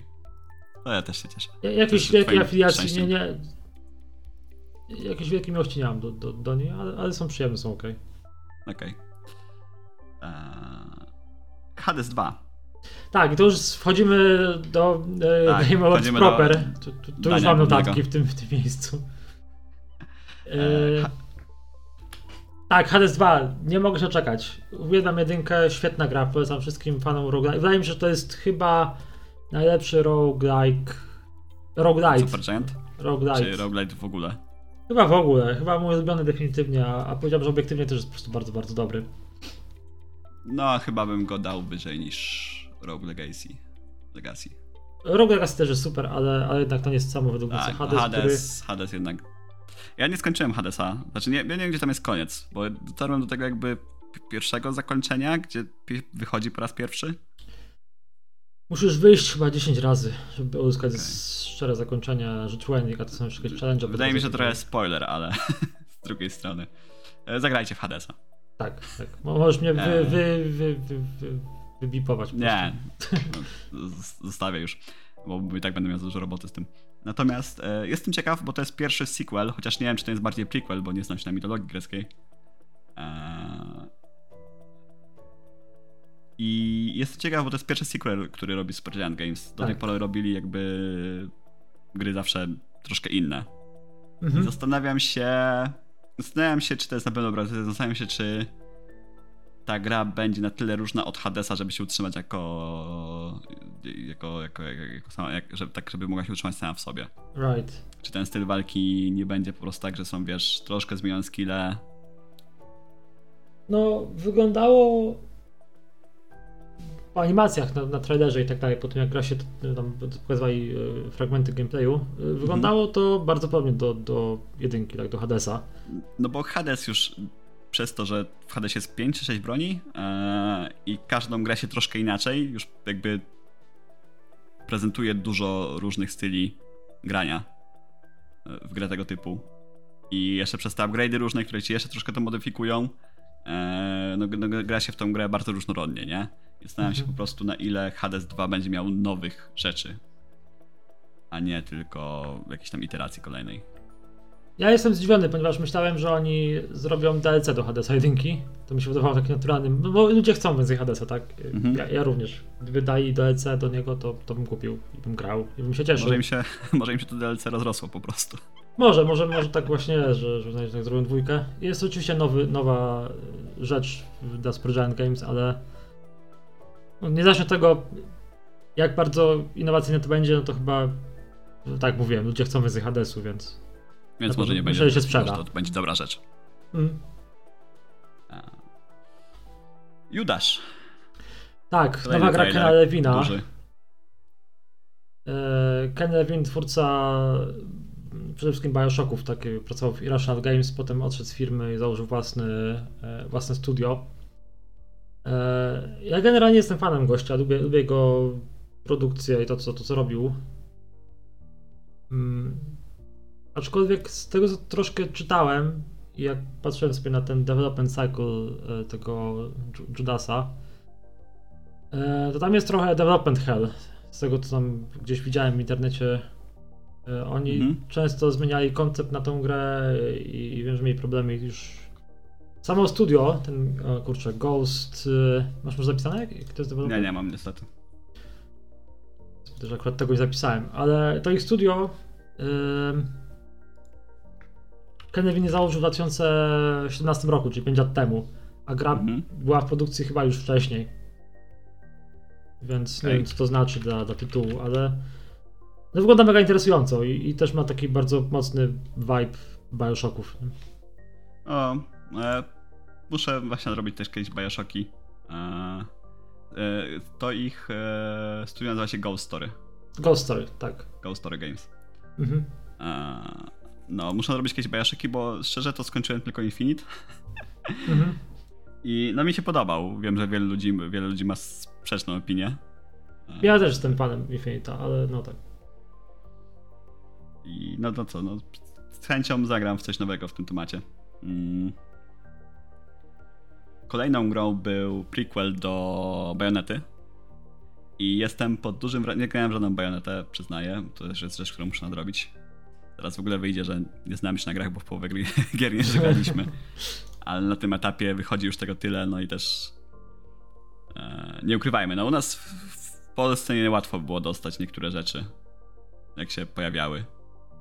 Naprawdę nie można było kupić bajonety w sklepie? A, znaczy, jak te pierwsze bajonety wychodziły? Na co wychodziły pierwsze bajonety? Na Wii U pewnie, nie wiem. No to Wii U to nie była jakaś znana konsola w Polsce. Czy Wii w ogóle, czy konsola Nintendo. No, mogłeś iść ją kupić, po prostu nikogo nie było na to stać. No. Myślisz, że- myślisz, że była bajoneta, jak bajoneta 1 wychodziła, to ona była na półkach w sklepie w Polsce, w jakimkolwiek? Nie wiem, myślę, że w jakimś Epiku, nie wiem, nie wiem. Myślę, że nie było bajonety, no może nie było, nie wiem. Ja jestem absolutnie niekonsolowy, więc nawet nie miałem ja, takich ja, ja sobie refleksji. wyobrażam, że w tym kraju, w 2009 roku na a, na PlayStation 3, no dobra, na PlayStation 3 może nie była. Wyobrażam sobie, jak chodziłeś po sklepach, jak za kawą i po prostu pytałeś, czy jest bajoneta. Już co powiedzieć, że nie. W tym W kraju nie ma 2009 roku bajonety. to ja nie wiedziałem, że bajoneta istnieje. No, no okej, no to, to, to, już, to już prędzej. Ale nie było jakby, te gry nie były jakoś w 2009 roku super dostępne w Polsce. Już, chociaż pojawiała się chyba kolekcja klasyki, tego typu rzeczy, nawet gry tam nie trafiały na PC. -ta. Gry konsolowe nie były jakoś dużym rynkiem, mam No wrażenie. to przede wszystkim, to przede wszystkim nas uderzyło, nie? że nas w kraju to raczej nie ma zbyt dużej tradycji konsolowej. No, no właśnie, do, do, do, do tego piłem. Aha. right. E, no. E, ale jestem pod wrażeniem, bo to jak widziałem, jak inne gry wyglądają, na czym polegają, jestem pod wrażeniem, że poszli z Bio w tym kierunku, w którym poszli. Że jest to spin-off, który chyba robi coś innego, jeżeli dobrze rozumiem, tak?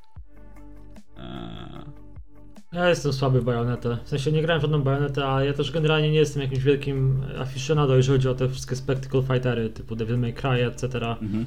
Więc to jest zupełnie nie, nie moja brocha. Ja bym kiedyś zagrał. Mm, Jak najbardziej.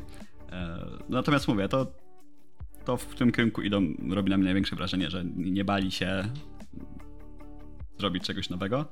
Wiem, że to nie zawsze popłaca i tu się chyba przypomina, też, też mogę wyciągnąć głupotę, ale jak robili spin-off do Halo i to był RTS. A tak, Halo Wars. Mhm. No, e, no to tam to na przykład nie zadziałało, nie? Ale to nie jest coś, co się zdarza często, gdzie masz jakby serię w jakimś, które jest osadzone w jakimś gatunku i pojawiają się spin-offy, prequele, sequele, które idą w inny gatunek w ogóle. Mhm. Mhm. E, to, to nie jest coś, co się często zdarza. Dlatego no, tu jestem pod, pod wrażeniem. E, Chyba jeden z bardziej udanych przykładów takiej gry to będzie Tales from Borderlands, O tak, to prawda. gdzie, gdzie zrobili grę od Telltale e, na, w uniwersum Borderlandsów, czyli Luther 4. Mm. I tam faktycznie tam za- zadziałało z tego co wiem też, nie? No ale ła- ładnie to wyglądało, bądź co bądź.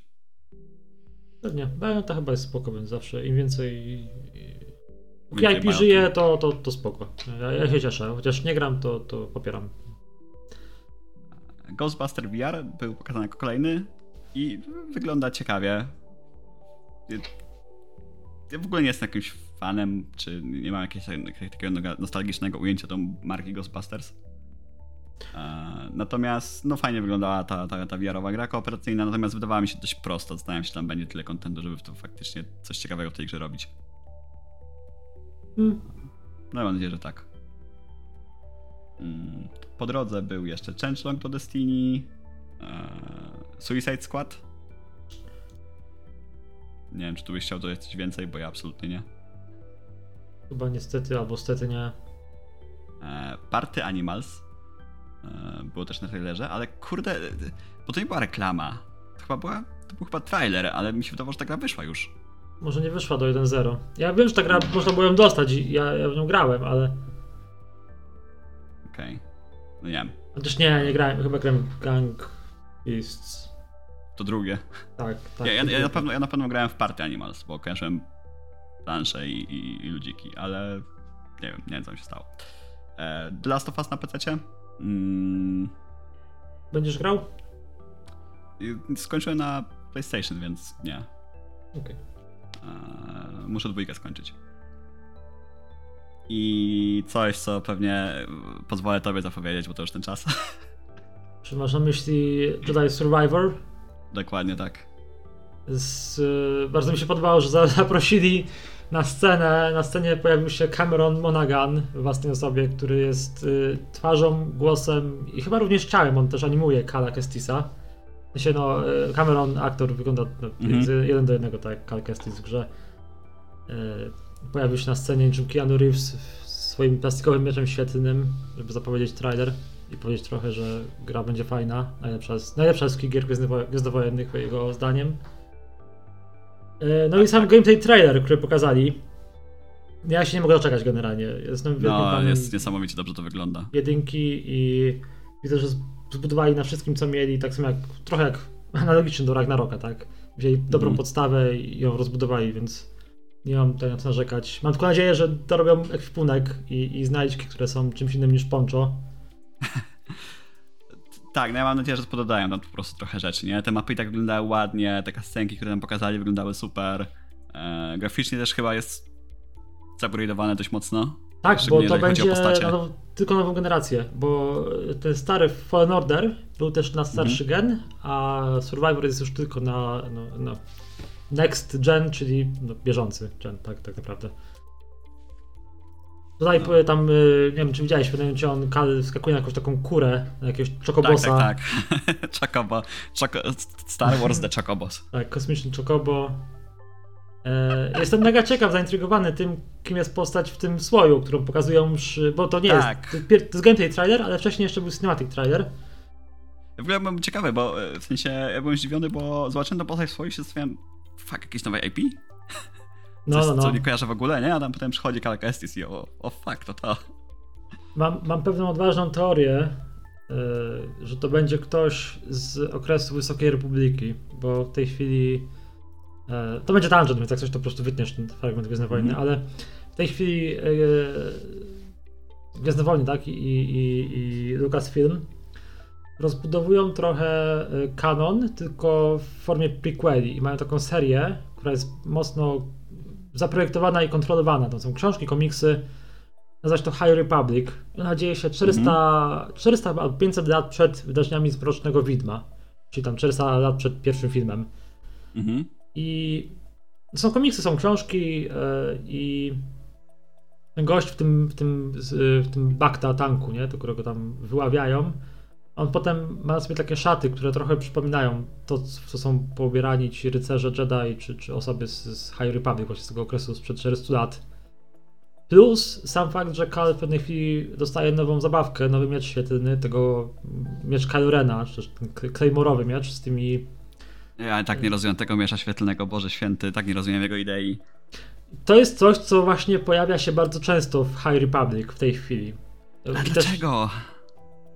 Nie, nie ma sensu, wygląda fajnie, ale jak zwrócisz uwagę na gameplay, to to jest chyba ciężki styl walki w grze. Bo jak Kal okay. ma ten miecz w ręce na samym końcu, on jest dłuższy. Mhm. Jest dłuższy i jak Kali macha, to macha nim tak, wiesz, y, z większym impetem i te ruchy są wolniejsze. Więc to no tak, jak na przykład biega z dwoma, nie? Tak, z dwoma to jest taki... Tak, będą chyba teraz cztery style, cztery style gry, tak? Będziesz miał duala, dwa miecze świetne, będziesz miał staffa, pojedynczy miecz świetny zwykły i tego Claymora, który będzie ciężki. Mhm. To wygląda mega fajnie. No i gdzie jest Gris? Nie pokazali Grisa, ale pokazali rozwaloną modliszkę. Właśnie i w ogóle Kal leciał ją sam. Tak, tak. No jest, jestem, takie... jestem mega ciekaw. O, to, to jest coś, na to też definitywnie czekam. Mm. Kolejny trailer to była gra od twórców Celeste. Eee, trochę mnie zaciekawiła. Zaciekawiło Earthblade, mnie... tak? Jeszcze raz? Earthblade. Tak, Earthblade. Mhm. Eee, te portrety postaci, które wyglądały jakby uciekły z Hadesa. Nie wiem, czy zwróciłeś no, uwagę. Tak, tak, tak, trochę tak. E, ale sam, sama rozgrywka wyglądała delikatnie drętwo. Tak jakby jeszcze... No bo Celeste mi się kojarzy z taką jednak szybką grą, może nie jak Super Meat Boy, ale taką płynną, bardzo płynną i ładną. A ten Airplay był taki... No te postacie tam szły, ci wrogowie tak atakowali, tak bez werwy. Hmm. E, więc jestem ciekaw, co z tego wyjdzie. Ja tylko słyszałem sobie dobre opinie o Celeste, albo Celest, e, ale nie osobiście nie grałem, więc e, też ciężko mi zabrać głos. Wyglądało bardzo fajnie, tak czy takie kreatywne, przyjemne, dobre w, w, w obsłudze platformówki chyba są zawsze spoko. E, kolejny tytuł za to. Mm, troszkę, troszkę już mam dość, bo kolejny tytuł to jest, wiecie co się teraz sprzedaje? Duna. Wiecie, wiecie, co, wiecie, co jest na Dunie? Pustynia. Więc trzeba zrobić kolejną grę o pustyni. I żeby było śmieszniej, jako że już jest już planszówka o Dune, jest druga planszówka o Dune. Jest też jest, gra RPG taka stołowa o Dune. Też jest gra RPG taka stołowa o Dune. Jest e, gra strategiczna o Dune, która była nominowana do czegoś tam w tym roku. Więc czas na open world e, Duna Przebudzenie Experience Pustynia.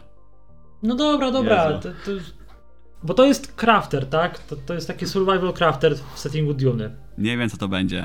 Ja, tak mi się wydaje. To ma być open world crafter, tak. Coś, podejrzewam coś w stylu Conan Exile? Tak, bo robi to Funcom. To jest deweloper, który wydał Conan Exiles, między innymi. E, I teraz tak, wydaje mi się, że ja nie narzekam, im więcej Dune, tym lepiej. Niech sobie robią co tylko chcą, żeby ważne, żeby było to było dobre, tak? A to jest no, moja obawa, że, że fankom jednak nie zrobi tego tak dobrze, jak, jak mogliby, bo z tego co rozumiem, Conan Exiles miał, ma, miał, czy ma swoje problemy. Ja się odbiłem. Ja się odbiłem na etapie, kiedy. Może ja źle zrozumiałem o co chodzi. Aczkolwiek tam jest taki motyw, że możesz potem mieć e, niewolników. I, i ich trenowanie zajmuje jakoś strasznie dużo czasu, oni są zużywalni i w ogóle nie ma sensu ta rozbudowa na tym etapie. Odważnie. Więc no masakrycznie, masakrycznie mnie to ten Conan odbił. Będę patrzył, lubię Dune, bardzo lubię Dune nawet. Ja pewnie też spojrzę, no ale tak... No ile można, no.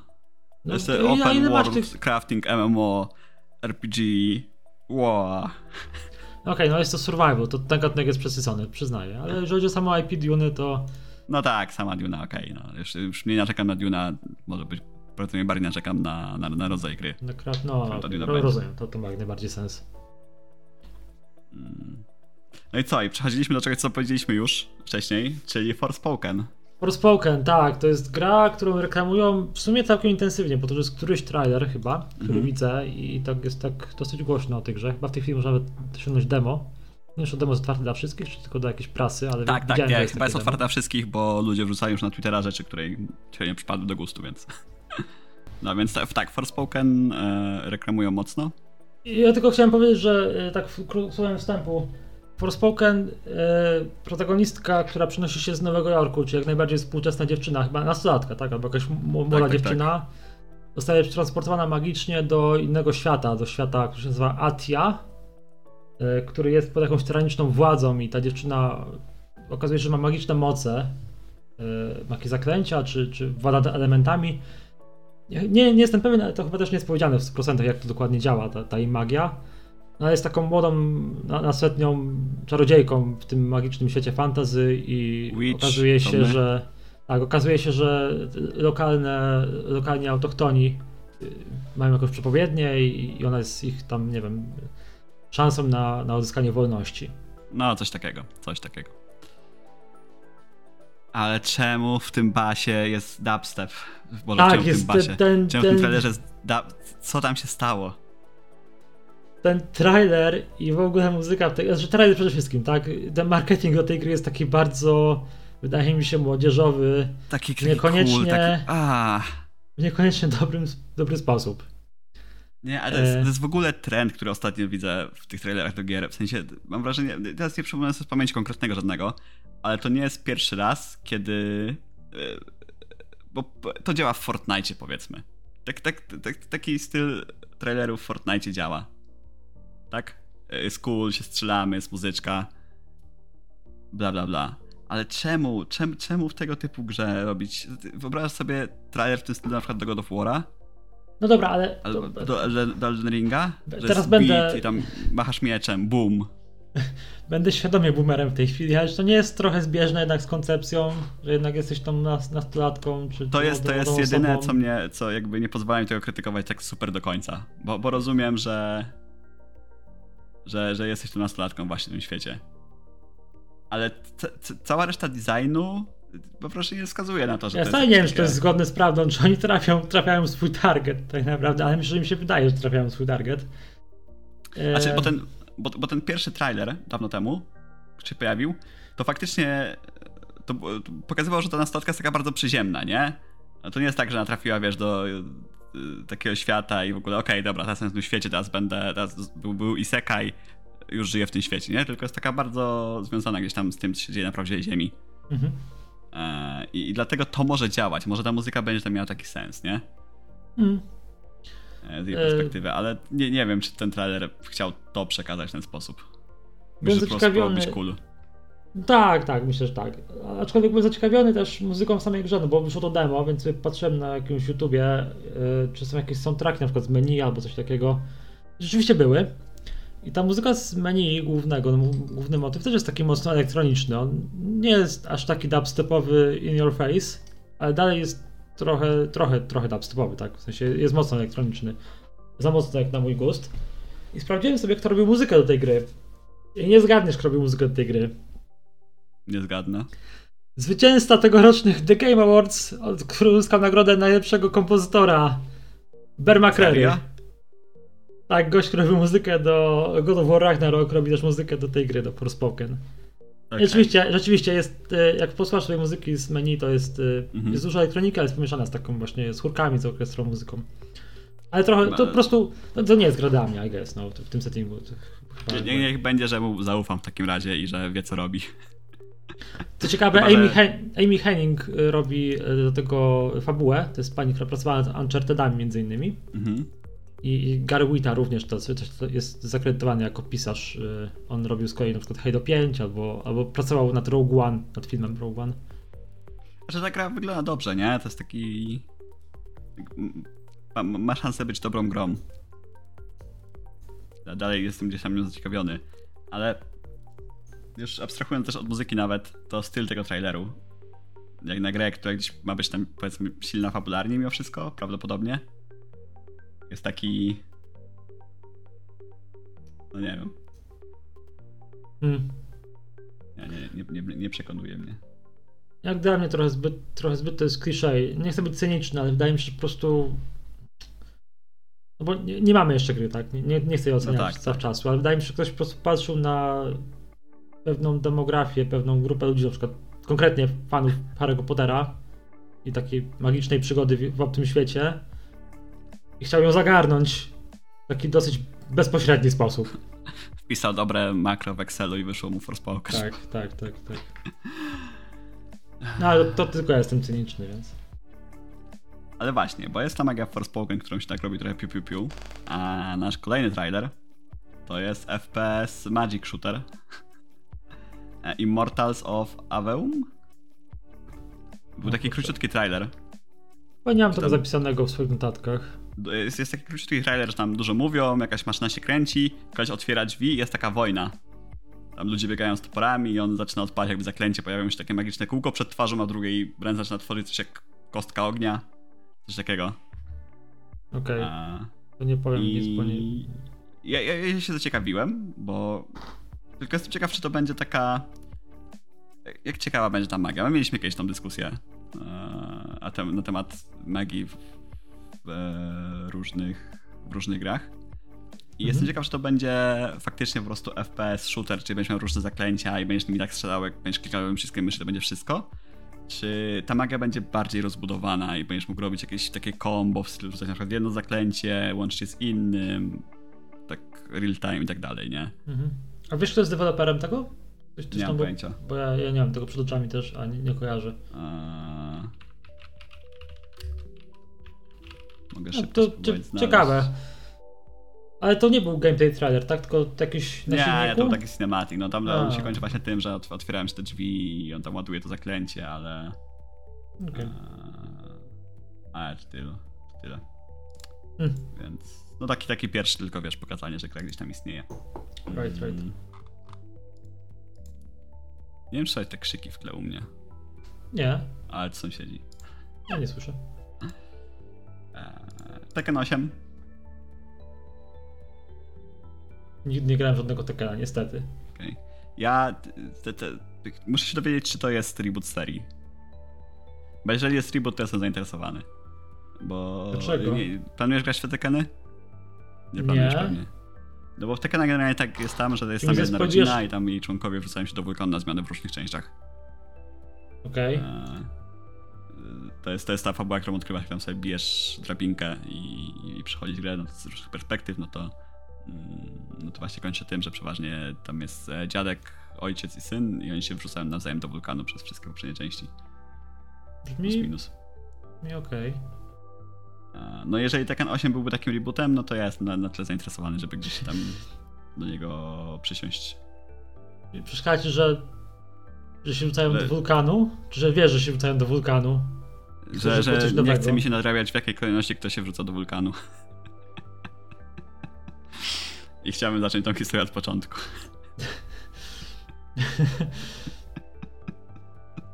Dziwnie Okej. to brzmi, ale tak. Okej, okej. Ja no, rozumiem, rozumiem. E, Nie wiem, czy sobie zapisałeś kolejny trailer, którym jest Nightingale. Eee, zapisałem sobie, bo tę grę też już widzieliśmy wcześniej. Tak. I pamiętam, że ty wspominałeś kiedyś, kiedy ją oglądaliśmy pierwszy raz, e, że wygląda interesująco. To jest taki Tak steampunkowy, magiczny crafter, tak? Tam e, przechodzisz przez portale i się buduje rzeczy i są jakieś takie steampunkowe... Tak. Ja, Nie ja, ja liczę na to, że to będzie taki wiktoriański. Wiktoriańsko-eldrichtowy Valheim. No, jest, jest okej. Ja nie mam jakiejś innej opinii, bo ja też nie siedzę za bardzo w tych crafterach i sur- survival crafterach. Szukałem Mhm. trochę informacji o tym studio Inflection Games, którzy są to odpowiedzialni. To jest jakiś offshoot z BioWare, ale zupełnie nic na swojej stronie nie mają. Nie, nie wiadomo, kto tam siedzi ani. No tak, to jest, To, to jest ich pierwszy, pierwszy projekt, no. więc e, zobaczymy. Natomiast no ja e, w ogóle podoba mi się. Z jednej strony mi się podoba, z drugiej strony mam wrażenie, że jest troszkę przesyt znowu. E, pójście w kierunku takiego eldrichtowego horroru. E, tego, że są, wiesz, na przykład są jakieś takie dry, drewniane potwory, nazwijmy to, czy masz jakieś powyginane drzewa, jakieś takie e, wiesz, takie rzeczy, które jakbyś miał, nie wiem, taki jakiś klimat takiego ciemnego lasu, Right, right. w którym są jakieś takie, wiesz, niestworzone potwory. E, to pod, podoba mi się kierunek, w którym idą, jeżeli chodzi o te takie, wiesz, mutacje różne. E, ale znowu zaczyna się dużo tych gier pojawiać już. Więc podejrzewam, że jak tempo się utrzyma, to za 3 lata to przestanie być świeże. No, pe pewnie masz rację. Mm. No ale na Nightingale ja czekam w koopie, na pewno sobie kupię i będę, będę ogrywał. Będziemy ogrywać. Hmm. A idąc dalej, gra, którą pewnie powinienem się jarać, ale jakoś nie umiem, Baldur 3? Tak, mam rzeczy do powiedzenia na temat tego trailera Baldur's Gate'a trójki. To mów. Eee, no generalnie Baldur's Gate teraz trzecia część, tak? Tworzona przez yy, yy, Larian Studios. Gości, którzy zrobili dalej chyba Divinity. wiele ludzi uważa, że to jest najlepszy RPG, CRPG, a na pewno jedna z najlepszych gier CRPG ostatnich lat, a, a jeżeli nie jeden z lepszych w ogóle. Divinity, zwłaszcza dwójka została bardzo dobrze przyjęta. No i teraz sobie pracują już od dawna nad Baldur's Gate'em trójką. Grą, której ostatnia część, czyli Baldur's Gate 2 wyszła e, szybka kalkulacja 22 lata temu, tak? Coś takiego. Chyba? 2000, 2001, I guess, to coś takiego, tak bym strzelał. Off top of my head. E, no i pokazali bardzo ważną postać, tak? Pokazali Mińska i Bu, takich fundamentalnych e, e, bohaterów z części pierwszej i drugiej, towarzyszy naszego protagonisty z tamtych gier. I już zastanawiałem się, jak to jest możliwe, że Baldur's Gate 3, który toczy się kilkaset lat później po wydarzeniach jedynki i dwójki, e, jak to jest możliwe, że jest tam i Mińsk i Bu w własnej osobie. I zrobiłem trochę researchu. Okazuje się, że w ogóle jest wydane w module dodatkowym do, do RPG papierowego Mhm. e, o Baldur's Gate są informacje o tym, jak kończy w ogóle protagonista z, z jedynki i dwójki. O. Orygi, oryginalne dziecię, dziecię Bala. Spo, spoiler z Baldur's Gate jedynki, minęło 23 lata. Nie, nie wiem, 23-letni spoiler. no właśnie, nie wiem, czy chcesz to potem wy, wy, Nie, nie mów, coś, ale, mów. ale tak, no, y, jest zapisane dokładnie w tym, w tym module, w tej kampanii, y, co się dzieje z dzieciem Bala, jak umiera, jak kończy. I jeszcze w jakichś dodatkowych materiałach y, wydanych przez, przez Wizards of the Coast y, z D&D jest, y, pojawia się komiks, w którym Mińsk zostaje spetryfikowany i w kanonie żyje sobie jako skała, najwyraźniej aż do czasów Badura Trójki. Miński był. O, o, ciekawe wyjaśnienie. Więc, więc nie wzięli go totalnie znikąd, chociaż ludzie są trochę niezadowoleni, że, że to jest takie no, bezczelne nawiązanie, nawet nie nawiązanie, mm. tylko po prostu targali postać z jedynki dwójki. I to jeszcze jedną z ulubionych postaci, jeżeli o, o fanów.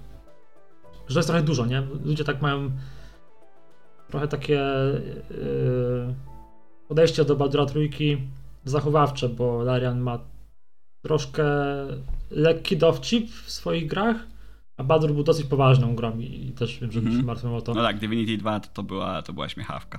No, a z kolei Divinity 1, nie wiem czy ogrywałeś, była jeszcze bardziej y, taka prza, przaśna niż dwójka. Dwójka była dużo bardziej poważna, Mhm. Więc no. Tak? To naprawdę Divinity jest, w sensie jedynka jest jeszcze bardziej takie Tak, jedynka jest, jedynka jest już bardziej wysokowata, tak, tak. Jezu. To jest, to Nie- jest rzeczywiście problem.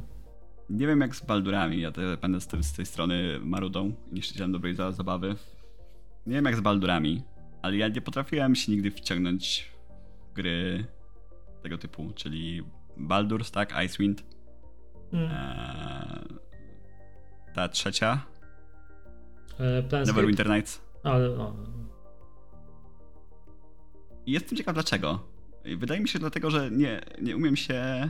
Bo jeszcze w Baldurze się gra swoim bohaterem tylko, nie? mhm. E, więc, więc tam w Baldura właśnie nie grałem jeszcze. E, w Neverwinter też, też, się gra swoim bohaterem. Mhm. E, i, I tylko Icewind jest taki, że masz całą drużynę. Ale Tak. nie umiałem się emocjonalnie wciągnąć w te światy. Ech, Bo jeżeli... z tak z gier podobnych w Dragon Age'a pierwszego Jezu, ja w to godzin spędziłem. No, no, no. Tylko, że tam te postacie, te poboczne, które się spotykało, to jakby, jakby no, nawiązywałem z nimi jakieś tam relacje, nie? Baldur jest dużo bardziej jak Dragon Age i to dużo bardziej jak Dragon Age niż Icewind Dale jest jak jedno albo drugie, bo Icewind Dale rzeczywiście robisz sobie całe party od zera i już całe wszystkie postacie No tam, więc w ogóle tam nie masz tej chemii, nie? Między... Ta, tam jest głównie hack and slash, tylko turowy, no nie? Właściwie nawet nie turowy, tylko real time with, with, with pause, bo, bo tak jest ten system. E, ale Baldur ma kompanionów, którzy mają fabułę i mają swoje charaktery, tak potem Okej. te gry Bioware'u miały w Dragon Age i tak dalej. Może, może, może powinienem dać szansę w takim razie. No bo Neverwinter znowu mam wrażenie jest bardzo ciężki mechanicznie. Ale Neverwinter też jest, wydaje mi się, słaby fabularnie. E, jedynka przede wszystkim, no nie? Ta, ta z, Mhm. od BioWare'u. Tam też nie ma kompanionów. Ma, masz najemników, których sobie wykupujesz i oni mają No tak, takie tak, tak. bardzo płytkie charaktery. Ale nie ma takiej dramy interpersonalnej jak właśnie w Dragon No Age to czy jest- Mass Effectie, czy też Baldurze, no bo to od Baldura się zaczęło. Okej, no, to, no to muszę dać szansę w Baldurowi w takim razie. No bo zakładałem, że Baldur jest bliżej właśnie w kierunku może właśnie Neverwinter niż... O, że to jest taki... Taki Icewind Dale, tylko Neverwinter. Mm, mhm. Chyba z tych trzech Baldur jest najbardziej taki właśnie klasyczno-Bioware'owy, według mnie. Okej. No to, to muszę dać mu szansę w takim razie. To może nawet sobie w trójeczkę zagram. Mm. Ale to też znaczy, będzie znaczyć, że nie będę chciał grać w trójkę w koopie. Bo... e, graliśmy w koopie w Divinity 2 Mhm. i dobra jest ta gra w koopie. W sensie zabawy mechanikami są super, natomiast ciężko jest fabularnie wtedy ugryźć tą grę. No, jak, jak są różne style gry, albo no, no, no, ciężko to. To prawda. Mm. Zostawiając Baldura i przechodząc dalej, chyba że, chyba, że chcesz coś jeszcze dodać. Yy, czekam z niecierpliwieniem. Mam nadzieję, że będzie dobry. Wygląda fajnie. Yy, Chociaż to, co mnie interesuje najbardziej, to jest fabuła i dialogi i jakość tego, jak są napisane dialogi. Bo mechanicznie jest, wygląda super i Divinity też było bardzo dobrze zrobione z tymi wszystkimi kombinacjami i fizyką i tak dalej. Ale, ale to nie jest to, co mnie interesuje najbardziej, więc trzymam kciuki. E, Myślisz, że będzie można do tego usiąść nie grając w pierwsze dwie części? Myślę, że tak. Okej. Bo nie wiem, czy chce mi się nadrabiać. No bo y, Dziecię Bala z jedynki dwójki jest lo- long gone, świat się zmienił, pewnie będą odwołania, Mhm. ale, ale myślę, że to będzie jednak coś nowego. Okej. To się zainteresuje też w takim razie. To przekonałeś mnie trochę. To fajnie. Mam nadzieję, że będzie dobry. Się nie zawiedziesz. A kolejną grą, którą pokazali, e, jest chyba najbardziej generyczny dungeon crawler, jaki widziałem. Znaczy dungeon crawler. Na- naj- Najbardziej generyczna gra koopowa o przechodzeniu podziemi. Mhm. Wayfinder. Wyglądało bardzo generycznie, przyznaję, ale zainteresowało mnie też to, że wydają to Digital Extremes, czyli goście od Warframe'a. Okej. Eee, Chyba bardziej mnie w tym momencie to odrzuca niż... no tak. A mi się, okej, no, mi się Warframe się nie podobał. Mi, mi, mi, dla mnie się nie przyjął. Wiem, że to jest dobra gra, wiem, że ma duży fandom, ale ja się odbiłem. Ja myślę, że ci goście mają fajne pomysły i są dosyć kreatywni, więc yy, nie wiem jak dużo pomagają, bo to jest de facto chyba tylko wydawca. Nie wiem, czy udzielają też jakiejś pomocy deweloperskiej Mhm.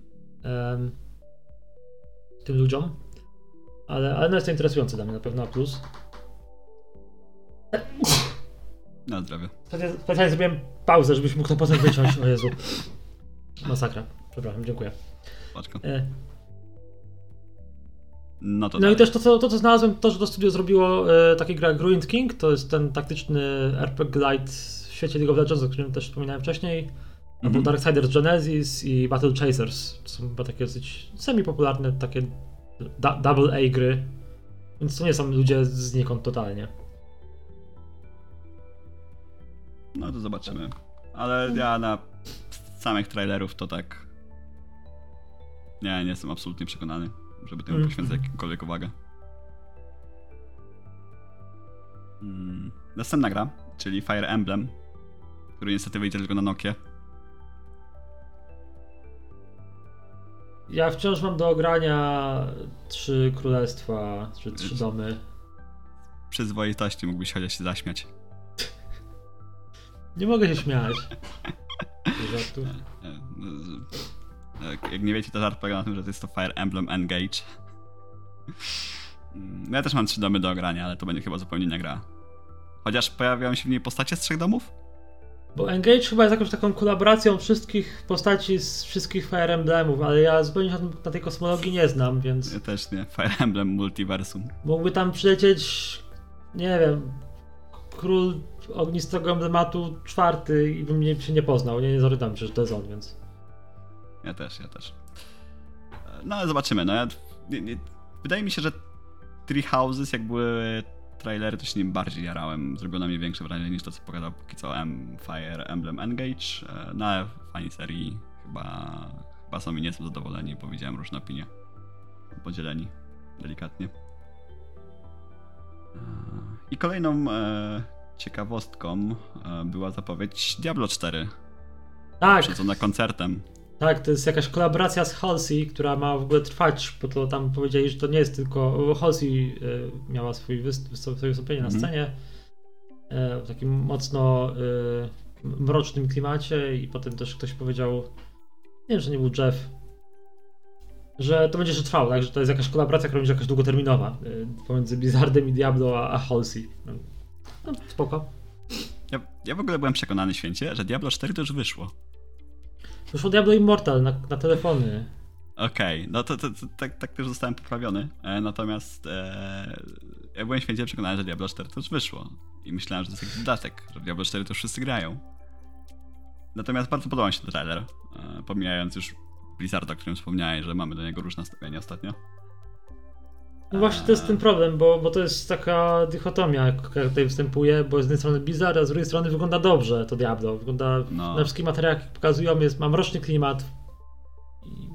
Ten trailer fajne... był dobry. No, By, był fajnie zrobiony, był...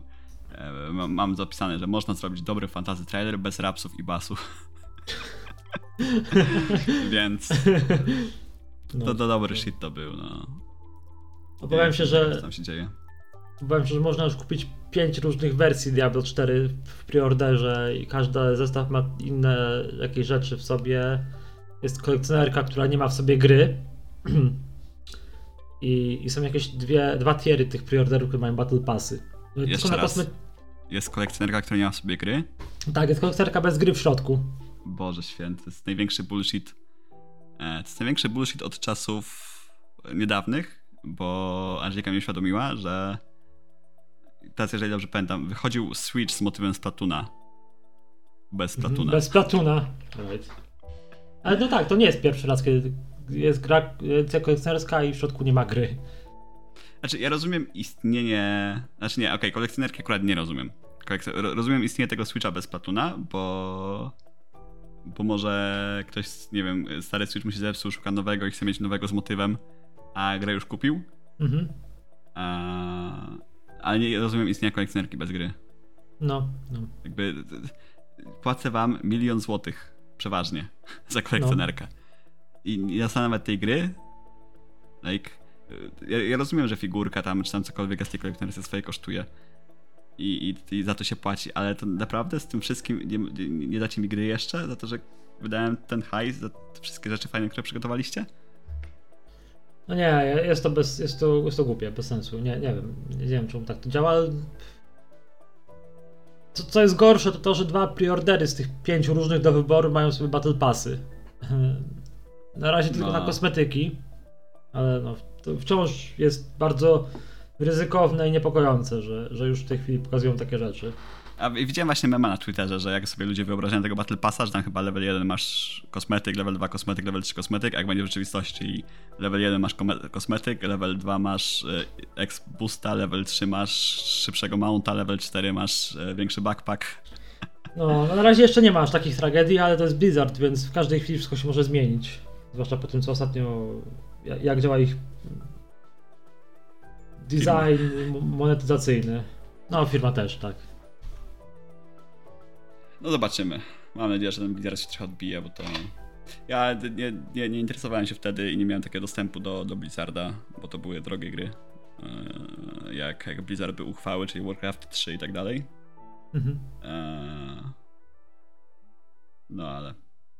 Mo- No ja niestety pewnie kupię Diablo 4, chyba że naprawdę pokażą coś, co sprawi, że gra będzie niegrywalna, bo właśnie jakieś pay to win mechanizmy, etc. No jest to jednak seria, która jest bardzo bliska mojemu sercu i jakkolwiek nie, nie namawiam nikogo, nie rekomenduję z powodu tego, jak działa firma, to, to ja mam personalnie jednak duży sentyment. No i wygląda No, dobrze, no wygląda dobrze, to jest najgorsze. Byłoby łatwiej, gdyby wyglądała źle. Tak, łatwiej było sobie. Ja z tego powodu na przykład, wiesz, odpuściłem totalnie Overwatcha 2, odpuściłem totalnie... Tak, tak, tak. I tak dalej, nie? Chociaż to jest z drugiej strony też takie... Muszę nas krytykować, to takie płytkie, że łatwiej się to odpuszcza. No tak, oczywiście, łatwiej, kiedy nie ma... Tak, tak, tak, tak. Ale z drugiej Absol- strony... absolutnie, absolutnie przyjmuję jesteśmy ludźmi, nie? A. Kolejny trailer. Mm. Ja, ja będę po prostu podał te kolejne trailery. Jakbyś chciał coś dodawać, to mnie powstrzymuj. Pewnie. Mm. Dodatek do Horizona. No ja w samą, we wszystkie Horizony łącznie z tym dodatkiem ja już mam tam jakieś 150 godzin. Ja liczę się z tym, że ten dodatek to będzie kolejne 50, e, 30-50 powiedzmy, być może tego samego. Liczę na to, że nie. Bo jak sobie przypomnę, to dodatek do jedynki faktycznie był delikatnie inny. Był przede wszystkim trudniejszy. Mhm. Eee, Dziwny poziom trudności mnie niestety bardzo bolał w, i to jest jeden z moich większych zarzutów tej gry, że ten poziom trudności jest mega dziwny w tym Horizonie, w tym nowym, więc nie wiem, no mam nadzieję, że ten dodatek będzie taki bardziej spójny. A wiadomo już coś fabularnie, gdzie się dzieje względem y, podstawki? Nie, a w Hollywood. Ale czasowo, bo okay, powiem czemu pytam. Spotkałem się z taką dziwną krytyką co do tego DLC do y, pierwszej części Horizona, do Frozen... Froz... No coś tak. Enough, chyba nie, ale, ale coś w tym stylu. Nie, a Frozen? Tak? Frozen Hearts? No okej, coś zamrożonego tak czek. DLC do, do jedynki. E, I spotkałem się z taką krytyką, że on się najlepiej jest go, czy on się triggeruje, czy najlepiej jest go zrobić właśnie tuż przed końcem, bo dzieje się przed końcem, przed tym główną finalną Mhm. bitwą na końcu i przed zakończeniem gry. Ale przez to, że gra się zakończyła, w sensie no, gra wyszła wcześniej, tak, podstawka i, i ten Aha. wątek fabularny, no to DLC nie mogło za bardzo zmienić tego, co działo się już w Vanilli, nie? Że te rzeczy Mhm. fabularne rzeczy, które się działy w DLC, musiały być albo gdzieś poboczne, albo nie nawiązywać i nie zmieniać tego ciągu z podstawki. Ja nie zwróciłem to uwagi, bo ja już grałem po tym, jak gra trochę wyszła i, i grałem w obydwie rzeczy naraz. Ja, pan, ja do dodatku troszkę za wcześnie podszedłem, bo on jest stworzony pod taki faktycznie endgame, jeżeli chodzi o poziom. Mhm. I to mi też zmieniło trochę potem rozgrywkę, bo jak się przebrnąłem przez ten dodatek, to potem jak wróciłem do podstawki, to, to miałem taką, wiesz, a- ile już była wymaksowana. Mhm, mhm. E, dodatek nazywa się Frozen Wilds. Wilds, no e, było blisko. Mm, Natomiast wydaje mi się, no, jeżeli faktycznie była taka krytyka, to wydaje mi się, że pójdą w kierunku, w którym ten dodatek jest po. Okej. e, To myślę, że to lepsze po rozwiązanie. Dwójce. E, No byłoby dziwnie, jak był przed, bo w dwójka. Bo jedynka jeszcze tak się skończyła, że można by tam było być może coś wrzucić, może, może troszkę coś, coś zmienić. Dwójka jest na tyle duża, jeżeli chodzi o zakończenie, że nie wyobrażam sobie teraz, że, że ciężko by mi było coś wrzucić przed, moim zdaniem. Right, right. Jest, jest, dość dużym motywem jest to w dwójce, że Aloy się śpieszy jednak. Że ma Mhm. konkretne zadanie, przy którym się śpieszy. Okej. Ja nie wiem nic o dwójce tak naprawdę. I, i taki skok w bok byłby, byłby dziwny. Mm. Blue Protocol. Zapowiadane jako nowe action MMO. e, Anime. Gra. Patrzyłem na to i chciałem coś napisać o tym, ale uznałem, że chyba nie mam nic do powiedzenia. Oprócz tego, że robi to, wydaje to Amazon Games. To jest ciekawe. Tak, to też mnie zdziwiło. Ja jestem troszkę ciekaw, bo nie pamiętam, żebym grał dobrze Action MMO i tak szczerze mówiąc, to, to, to będzie troszkę dziwne, co powiem. Dla mnie najlepszym Action MMO jest Monster Hunter, Ja, jak się gra w koopie. Wi- Widzę to jak najbardziej. Mm. No bo Action MMO jest trudne, nie? W sensie, jeżeli masz Final Fantasy, razie, które obaj dużo graliśmy, dużo będziemy grać jeszcze prawdopodobnie. Krytycznie uznane. Tak, świetnie. e, Level 60 razem z dodatkiem. to, to, no to jest MMO jak MMO, tak? Ono się opiera na tym, że masz x komend, które możesz wprowadzić do silnika gry Mhm. I, i one się wykonują, tak? Action MMO jednak i jakby masz AOE i to są takie bardzo statyczne AOE, powiedzmy, że masz faktycznie narysowane na ziemi E, to jakby, bo action kojarzy mi się z tym, że są, wiesz, walki oparte animacje, jakieś tam blokowanie i tak dalej, nie? To jest ciężko to zrobić, żeby to zagrało w, w multi. E, no Mały dobra. skopowych gier mam wrażenie, w których to działa dobrze. A co Mogę zrobić- multiplayerze? Mały tangent i cofnąć się do gry, którą w sumie pominęliśmy, trochę nie wspomniałeś, bo pokazywali, to nie jest nowa gra, I, ale jest na temat i, i powiem y, Destiny 2. Tak, ale z drugiej strony shooter. No, I Mam wrażenie, że shootery w tym klimacie, to też są gry akcji jak najbardziej, a mam wrażenie, że shootery w tym klimacie dużo łatwiej zrobić. okej, okej. Niż gry, które to- mają jakąś walkę wręcz, jakieś magiczne skille, tego typu rzeczy. Mhm. Eee, bo no, Neverwinter Neverwinter Online był chyba bardziej grą akcji, w sensie tam się te rzeczy kastowało tak bardziej właśnie akcyjnie. No, to chyba że nawet Terra byłaby lepszym strzelało. przykładem, nie? Albo, albo Guild Wars 2 też był trochę bardziej dynamiczny niż... Tak, tak, tak. Nie? Eee, no nie wiem, ja, ja jestem ciekaw mimo wszystko. Mm. Tak samo jak czekam na kolejną grę, której trailer pokazali i Remnant 2. Tak. Wyglądał super. Grałem bardzo krótko w jedynkę. Chciałem zagrać w koopie z kimś i, i tak jakby odłożyłem na moment tą grę i Mhm. leży. No ja z E. dwójką znajomy grałem i, i prawie skończyliśmy i to, to była dobra gra. Ona, ona nie była super, nie była wyjątkowa, nie była jakaś mega innowacyjna czy coś takiego, ale to był kawał porządnej, całkiem Bardzo mi, się, bardzo mi się gry. podobała, a ten trailer z dwójki wyglądał jeszcze lepiej, więc Jup, jup. Mi się bardzo podobał jeden z boss fightów z jedynki. Był taki. e, Faktycznie miał mechaniki właśnie w, w jakimś takim e, e, MMORPG, nie? Które, które musisz znać. mm. E, I pamiętam, że umieraliśmy na nim trochę, zanim się nauczyliśmy, co tam dokładnie trzeba zrobić i gdzie. Więc pod tym względem, no ja, ja, ja czekam. Mam nadzieję, że będzie lepsza niż, jeszcze lepsza niż, tej- niż, niż jedynka. right. Ja też. Była gra o Transformersach. Transformers, nie pamiętam podtytułu. I ciekawe. Trochę czekam, trochę bym chciał zobaczyć coś więcej. No ale zobaczymy. Kolejno. e, Był live action trailer z Company of Heroes 3. Tak, zapowiedzieli wersję na konsolę. I nawet widziałem Tak. gameplay, który pokazali chyba później, jako rzucili na YouTube'a z tego jak ktoś O, tam na konsoli grał. widziałem. E, No i rzeczywiście, no gość grał na konsoli, to, to, to, dużo, to dużo powiedzieć. E, Ja bym sobie takim czymś nie poradził, ale, ale cieszę się, że zwłaszcza teraz, kiedy karty Próbują. graficzne są takie drogie i jednak taniej w tym momencie skupić konsolę do gamingu, że też na ten rynek się otwierają.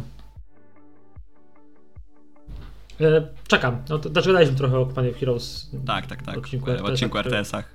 Którego chyba jeszcze nie ma, ale, ale no. Tak, tak. Chyba dopiero będzie. Tak. Troszkę tam pogadaliśmy. Ach, pokręcę Spoiler. nasze multiversum. Spoiler. Odcinki są, były, będą. Mm. Trailer e, Behemota VR e, mnie zaciekawił, ale mam wrażenie, że wszystko co pokazali to jest cutscenka, bo ja nie wierzę, że ta gra będzie jak wyglądać. Absolutnie nie, nie wierzę w to, że ona będzie wyglądać w ten sposób na VR-ze. Szczególnie, że pokazali gdzieś tam też e, kolejny właśnie trailer, o którym już mówiliśmy, e, Horizona. No i widać tą przepaść w, graficzną w tym trailerze Behemoth, a w trailerze Horizona. Gdzie w Behemothie była chyba jakaś jakaś scenka albo tylko wyrenderowany trailer, a w e, Mhm, mhm. Horizonie był, był, był już gameplay jakiś. Gameplay, nie? Fragmenty No. po fragmenty, ale jednak. Za to bardzo chętnie pójdę na film Mario do kina. Ja chyba też. Mógł- Mógłbym iść. Nie wygląda to źle. Wiem, że internet się trochę śmieje z tego trailera, z tego filmu. Ale myślę, że nie, że nie wygląda źle. Ja potem zobaczyłem na Game Awards, jestem autentycznie zaciekawiony. Au- Autentycznie myślę, że będę dobrze się bawił na tym filmie. No, e, wygląda ok. Ma- Mam nadzieję, że będzie dobry polski dubbing. No nie. Nie chcesz postać Chrisa Prata? Nie wiem. Mario? e, Jestem fanem polskiego dubbingu w animacjach. E, I, i większość O, animacji. jakbym chciał.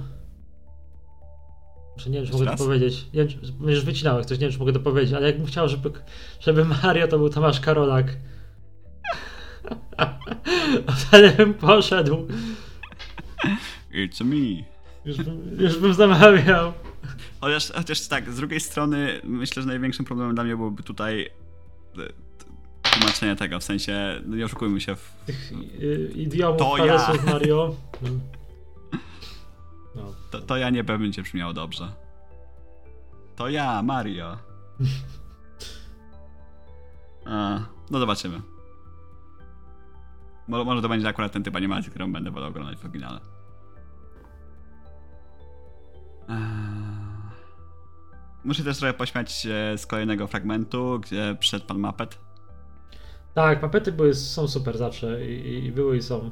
Jest Ja wiem, ale ten Muppet to, był takie, to było takie bingo gamingowe. Jaka jest twoja No. ulubiona gra? Elden Ring. Jaki jest twój ulubiony boss? Malenia. Jakbyś miał być w grze, to kto by ją zrobił? Kojima. No tak, tak. Taki, wiesz, jest, taki- to, jest to fan serwisowe. Tak, tak, bardzo mocno fanserwisowe, bardzo mnie to... E, Pośmiałem się, nie ukrywam się, szczególnie jak zaczął krzyczeć Kojima, Kojima, też to e, zaśmiałem się mocno, ale, ale z drugiej strony jakby druga część mojego mózgu mówiła, Boże, ale fanserwis. Więc... Mm, ale fajny fragment, bardzo, bardzo się cieszę, że to dalej jest. Kolejna gra też była mega ciekawa, Banishers. Tak, tu mam coś do powiedzenia, bo ja bardzo lubię to studio, Don't Nod. Są goście, którzy zrobili Life is Strange i Właśnie. Remember Me i zrobili też Vampira przez Y. Mhm. I te wszystkie Okej. gry są strasznie klanki, one są strasznie junky. Ale jestem bardzo wielkim fanem tego, że cały czas eksperymentują z czymś nowym i, i te wszystkie gry są takie, są bardzo dobrze napisane. Mhm. Ja wiem, że ludzie mają opinię na temat Life is Strange, ale uważam, że ja mam duży sentyment tej gry i bardzo mi się podobała. Historia i, i postaci i tak dalej. I, I zawsze w tych grach jest tak mocny nacisk na te decyzje moralne i też gra. Wiadomo, że to nie jest duże studio i też właśnie te, na jakość gier na tym cierpi i, i gry na tym cierpią. E, Ale zawsze się starają przynajmniej te decyzje zaakomodować, tak żeby gra rozpoznawała i są interesujące w większości przypadków. E, Wiesz to bo, bo, boję się w takim razie, że tutaj też ambicje mogą ich przerosnąć, bo ta gra wygląda naprawdę ładnie. W sensie Na pewno tak będzie. Cool.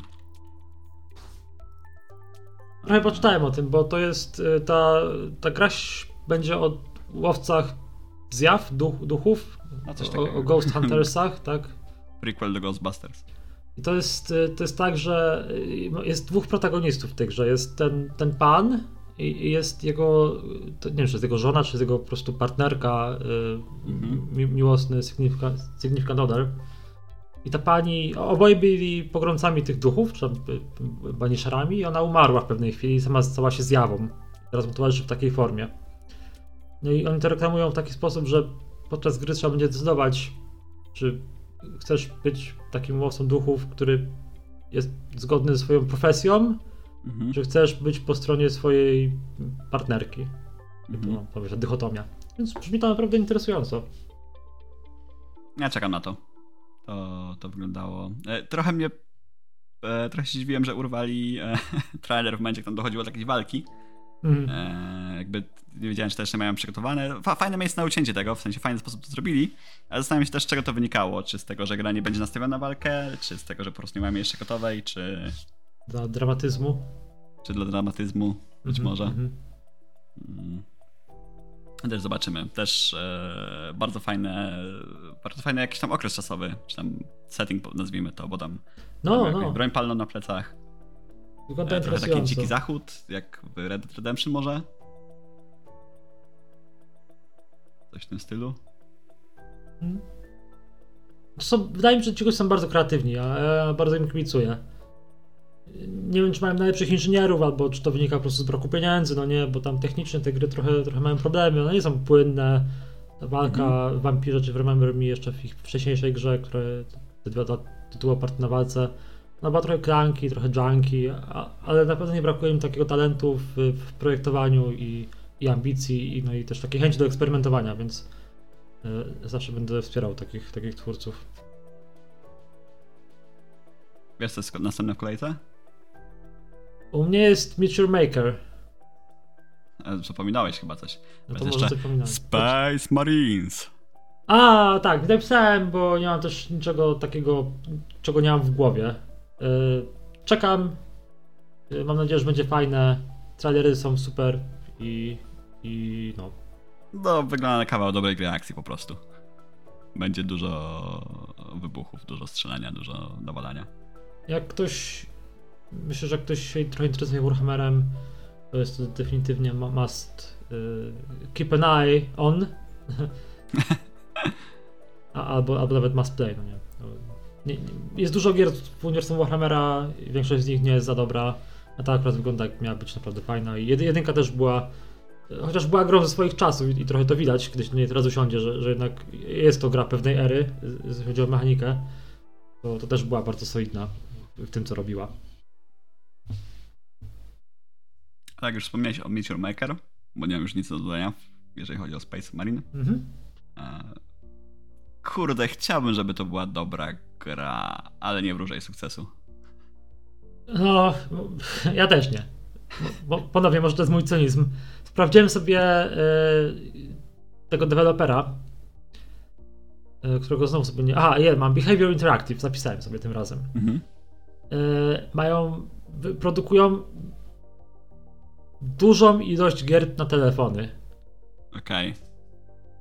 A czy wiesz, może zbierali budżet na swoje wielkie dzieło. Tak, tak. No, na pewno byli też autorami e, innej gry z Warhammera 3000, Eternal Crusade, który był takim taktycznym, e, kind of taktycznym RTS-em. I ono, ta mm. gra mhm. była chyba spoko, była ok. E, mieli tam też definitywną edycję do Halo Wars, ale nie wiem, czy to oni ją robili w, w pakiecie Definitive Edition, czy ją gdzieś portowali.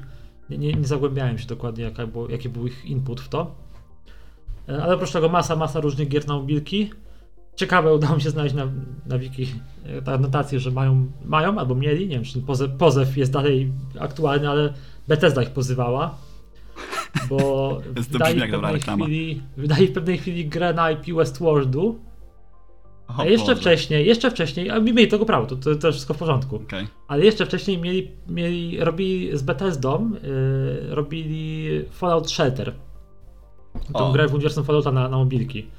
A, później, wydali, później wydali tą grę Westworld i Bethesda ich oskarża i ich ściga za to, że Westworld, ta ich gra jest, jak to cytuję, ewidentną kopią Fallout Shelter.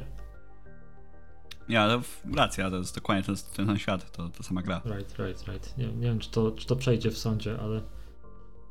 Um... Znaczy wiesz, jeżeli, jeżeli Pytanie, pewnie pytanie, jak tam IP wyglądało w tym wypadku, nie? W sensie, czyli był kod gry, na ile to jest, wiesz, ten sam kod, tylko ze zmienionymi teksturami.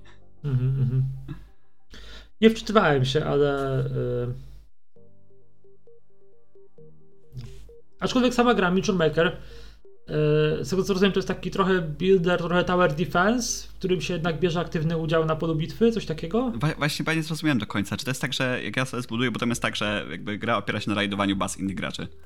No eee... chyba budujesz sobie bazę, a potem tak, no tak. I zastanawiam się, że to jest takie asynchroniczne PvP, trochę Pewnie jak tak. w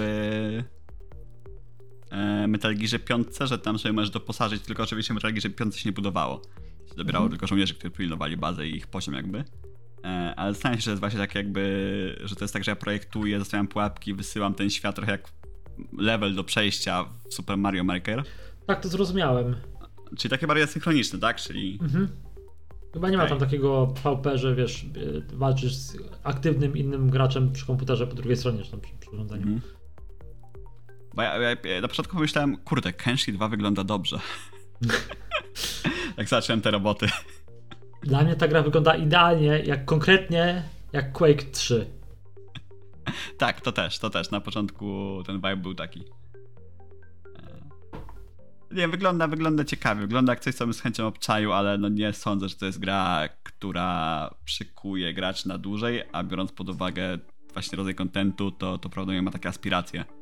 Mm. Może, może się mylę i będzie to nowy, nowy gatunek gier, który podbije powiedzmy rynek sportowy, ale, tak, tak. ale Już za rok na The Game Awards. tak. jak, jakby, jakby wygrało, jak, jak wygra kategorię e, za rok na The Game Awards, najlepsza gra sportowa, to nie wiem, muszę wymyślić jakiś dobry challenge. Będzie nowy gatunek Maker Games. Maker Games. Nie mieć z Game Makerem. mm. Dziękuję, dziękuję że parsknąłeś chociaż. Widzisz, to, bo to się nazywa, to jest właśnie ta przyzwoitość, o której mówiłem w przypadku Emblem, tak? Dobrze, dobrze. Przyznaję się, możesz, możesz mnie e, tutaj wyciągać przed szereg. Nie będę się bronił. Krwawa Miska 3, Eee, czyli Blood Bowl 3. tak, nie mam nic do dodania oprócz tego, że eee, cały czas muszę to, mam to na liście gier do zagrania i, i wiem, że ta gra ma bardzo popularny cult following, zresztą tak samo jak wersja stołowa, bo is- istnieje e, gra, która wybiła się z wersji takiej figurkowej stołowej. Eee, I te gry są solidne, są ok, są, są chyba dobre. Tak, ale to, to jest dokładnie to, co mam o nich do powiedzenia. Grałem w dwójkę, jest to solidna gra, absolutnie mnie nie wciągnęła. Mm. I to, i to tyle. Myślę, że to trzeba grać z kimś, z żywą osobą, żeby wiesz. Chyba tak, chyba tak, chyba wtedy. Mo- możemy kiedyś spróbować. A westchnąłem już, bo już spojrzałem na kolejny e, punkt na mojej liście i to jest... Ja mam The Lords of the Fallen, ale nie wiem, czy to jest to, co jest To u ja jestem... Nie, nie. Okej. To ja jestem jeszcze chwilę To, przed to tym. spoiler. Ja Jestem na nowym patchu do Wiedźmina 3. Ten next genowy, tak? Czy jest coś tutaj do Tak. powiedzenia? Chciałem ponarzekać znowu. ja jestem tym narzekającym typem w tym podcaście. No. I może czepiam dupę. Może, może to jest czepianie dupy. Ale naprawdę ten patch był potrzebny? No. Jest- Oglądałem jakąś recenzję IGN-u chyba i mówili, że, że jest różnica. Nie, nie, domyślam się, że różnica jest jak najbardziej. To nie, nie, nie twierdzę, że nie. E, Cieszę się, że fani są zadowoleni, że dostali coś od CD Projektu i tak dalej. Ale czy to było coś, co CD Projekt musiał koniecznie zrobić? W sensie poświęcić ileś środków na... No bo to okej, no to można powiedzieć, że nie wiem, można podbić tekstury, tak?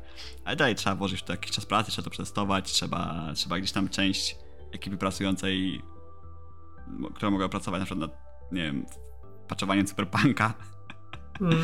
Eee, Nie, tak, w to, już, w to już nie ładują pieniędzy. No to to nie jest prawda, ale.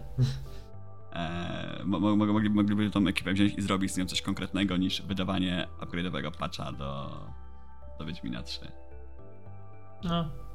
nie wiem, ja nie, nie, nie, nie, czaję tych patch, tak samo jak na przykład nie czaję remake'u The Last of Us 1. O, to już jest na przykład bardziej interesujący temat, a który w ogóle być może kiedyś poruszymy w osobnym odcinku. No, no, no nie chcę się nad tym roz, roz, Bo, bo ja też mam dużo, dużo opinii na temat remake'ów, remasterów i rebootów i innych rzeczy. Rzeczy. Tak. E, no i jeszcze e, Geralt e, dostał drugie życie w Fortnite. Tak. Myślę, że to jest bardzo istotny news, który powinniśmy tutaj powiedzieć. Mm. Jeżeli jeszcze nie graliście w Fortnite, no to ja zachęcam oczywiście. Teraz muszę zagrać Geraltem, więc w ogóle jest cool. Jeszcze nie grałem w Fortnite'a. Nie, to nie jest prawda. To jest prawda, nigdy nie grałem w Fortnite'a. Nigdy grałeś w Fortnite'a? No? Nie grałeś wtedy z nami w Fortnite'a? Graliśmy w Fortnite'a? Graliście w Fortnite'a, a ja bym nie grałem w Fortnite'a. Kurde. To najwyższy czas zagrać w Fortnite'a w takim razie. jest, e, jest jeden z najlepszych momentów, żeby zagrać Fortnite'a ponoć teraz. Dobra, jak jest Geralto, to mogę grać. No widzisz. A co jest zabawne, nie wiem czy widziałeś, ale dali DLC do, do tego nowego patcha, właśnie tego nowego update, update'owej wersji. Dali zbroje, jakieś tam kostiumy z Wiedźminowego serialu z Netflixa, O. z Wiedźmina. To to nie widziałem tego. I są te tragiczne zbroje tych Nilfgaardczyków z pierwszego sezonu. O, Nie będę tutaj używał, nie będę tutaj mówił jak wyglądają, ale wszyscy wiedzą jak wyglądają te zbroje. I można sobie tam przestawić, pewnie jest jakiś slider, nie wiem, nie wiem jak to działa, ale można sobie zaimplementować. nie mam, to, to, to by było coś, jakby wrzucili je domyślnie na zawsze już. Czyli pobierasz ten patch, nie możesz tego wyłączyć. E, To było, to, to, to, do tego mógłbym przejść 3 jeszcze raz. E, A, no i e, kurde, pominąłeś, naprawdę pominąłeś wejście Crasha Bandicoota na scenę? No, nie jest to IP drogie mojemu sercu tak naprawdę. Mojemu więc- też nie, ale samo wejść na scenę, No tak, no tak. zjeżdżający z sufitu, niesamowita zabawa. E, Sa- Sama gra, którą reklamował, czyli Crash Team Rumble, która wygląda jak coś fajnego na taki kanapowy koop, żeby się e, pokłócić ze znajomymi i Mm. pograć sobie w jakąś taką e, versus gierkę, to, to, to, to wyglądało spoko, natomiast też nie przeczułem, że to jest coś dużego, no.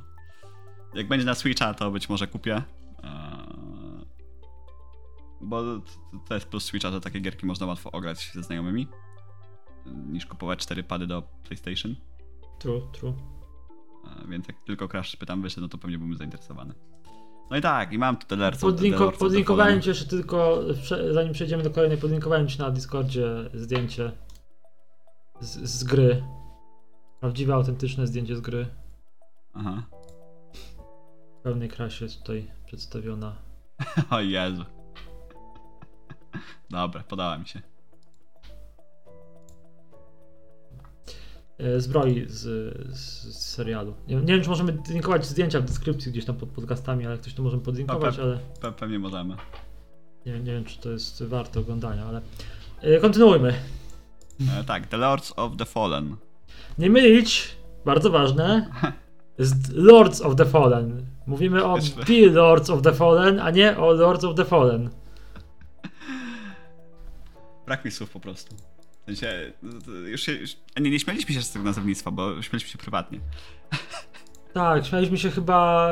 Jeszcze, ja na przykład nie ogarniam, bo wiem, że wyszedł w pewnej chwili Suicide Squad z filmów i wyszedł The Suicide Squad z filmów. Ja już nie wiem, co jest prawdą, a co nie jest prawdą na tym świecie. No nie rozumiem. Ja się zgubiłem. No były, fi był film, był film. Posłuchaj, Humphrey. Patrz mi na usta. Był film. No. Z DC. No. O y, Suicide Squadzie. No, a nazywał się, nazywał się Suicide Squad. No. Być może. Bo potem wyszedł drugi film o Suicide Squadzie i nazywał się The Suicide Squad. Być może. Nie wiem, który był pierwszy, a który był drugi, ale były dwa filmy. I to chyba nie jest jedyny przypadek. A teraz mamy Lords of the Fallen i The Lords of the Fallen. Więc świat skręcił w pewnej chwili bardzo za miejsce, wydaje mi się, z tym nazewnictwem. Ja nie rozumiem, bo jakby Lords of the Fallen to nie była gra, która się przyjęła super dobrze. Albo być może nawet dobrze, była to raczej średnia gra. Mhm. Ale czy to jest taki powód, żeby próbować zrobić z niej. jakby, ją zrebootować? To jest interesujące, bo y, oryginalne Lords of the Fallen wydało Deck 13. To jest niemieckie studio, które później wydało dwa Surge. Y, the Surgeon. Mm -hmm, te, te, te gry były tak, całkiem spoko. Te były całkiem niezłe. W sensie no, przynajmniej... No były dużo lepsze, tak. Dużo lepsze niż, niż Lords of the Fallen. E, to... no, i, no i też były science fiction, nie? science fiction soulsami, mm -hmm. kind of, nie? więc też było świeże. A to The Lords of the Fallen robi studio Hexworks. Teraz to jest ważne. IP Lords of the Fallen należy do City Interactive. To jest yy, znane nam studio tutaj w naszym pięknym kraju. No. Yy, I Deck 13 było niemieckim, outsourcowanym studiem do tej pierwszej gry, ale Hexworks jest już jest, in, jest ich in-house'owym studiem deweloperskim, czyli to wszystko jest już w City Interactive. Mhm. I to też jest nowe studio, które nie ma żadnej gry na swoim, na swoim, e, swoim portfolio. No, wygląda, tak, wygląda ten trailer ładnie. Eee, też jest takie uderzenie właśnie w takie Eldrichtowe klimaty. Nie wiem na ile tam jest takiej Bloodborne'owej kosmologii. Bo tam jakieś Wyglądał... twarze dziwne rzeczy też były. Wyglądał lepiej niż ten z oryginalnego Lord of the Fallen, ale no jednocześnie... Tak, tak. Ale nie wiem, jakby beka właśnie z nazewnictwa i z próby rebootowania serii, która rebootu nie potrzebuje i można było po prostu zrobić dwójkę i, nie trzeba zacierać pamięci o tym, że kiedyś było Lords of the Fallen, no było średnie. Nie wiem, nie, nie rozumiem. Miałem duży problem, żeby znaleźć oryginalny Lords of the Fallen, jak wpisałem Lords of the Fallen bez tego D na początku, mhm. to dalej mi Google chciał zasugerować The, the, the Lords of the Fallen i, i tak by nie chciał mi tego oryginalnego pokazać. Więc. Usuwają z historii. Tak. Skutecznie. No to nie jest pierwsza gra, którą tak się dzieje, nie? Gdzieś tam reboot się pojawił i. A, tak. Chyba nie to... Speedy albo jakieś takie inne. A, whatever. Było, były takie rzeczy. Za to kolejna gra. Nie wiem, czy nie mój top tego, co zobaczyłem prawdopodobnie. E, czy masz na myśli Wild Hearts? Co? Nie. Co, Co masz kolejne? Boże, jeszcze jest tyle rzeczy. Crime Boss? Z Chuckiem Norrisem i Danny Gloverem?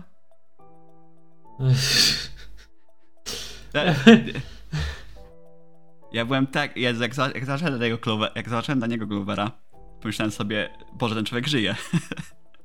to była moja pierwsza myśl. Druga, jak zobaczyłem go w stroju policjanta, w sensie takiego jak e, grał w Zabójczej Broni, mm -hmm, to kupuję na premierę. e, tego Crime Boss. Jeszcze nie wiem, co tam się robi, ale chcę tą grę.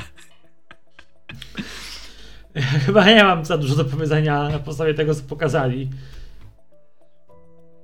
Nie wiem, jest tam casting, jakby, jakby jak dasz mi grę, w której Danny Glover będzie detektywem e, w latach 90., to ja nie potrzebuję nic więcej. Okej, okay, Prawdopodobnie. roz, rozumiem, rozumiem. Nie wiem, na ile poprawne politycznie jest ta zabójcza broń, pewnie wcale. E, ale kurde, dla mnie to jest film, znaczy dzieciństwa, no mój ojciec miał takie, takie gusta filmowe. E, tych wszystkich, wiesz, detektywistycznych komedii z tamtych lat. Mhm, mhm. I tak, takich, takich dużych hitów, tam właśnie, właśnie zabójcza broń, szklana pułapka.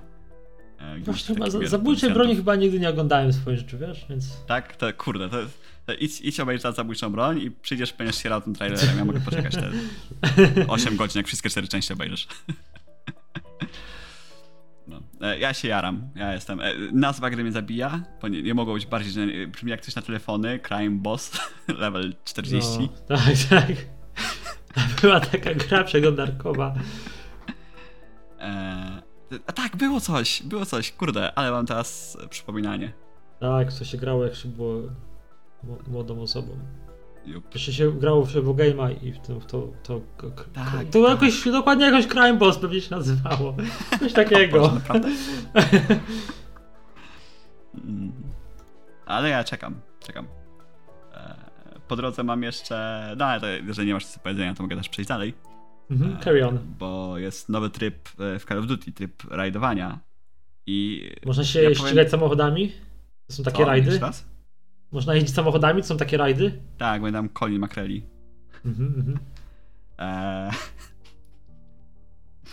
Nie, ale e, chciałem sobie. Dobra, może nie będę narzekał długo. e, Po prostu powiem, że zgubiłem się w serii Call of Duty i nic już nie rozumiem. Ja też, ja też. Prz- Przez to, że to logo Modern Warfare 2 ma tą dwójkę ukrytą w logo, to w ogóle myślałem, że to jest tryb ride do. Modern Ale właśnie, bo to Warfare jest 1. już któryś, to już jest któreś Modern Warfare 2. No bo to jest, to, no to jest po remasterze, tak? To jest remaster. No, nie sensie wiem, Humphrey, nie wiem. Cokolwiek, no bo, no bo była seria Modern Warfare, gdzie wyszła 1, 2, 3.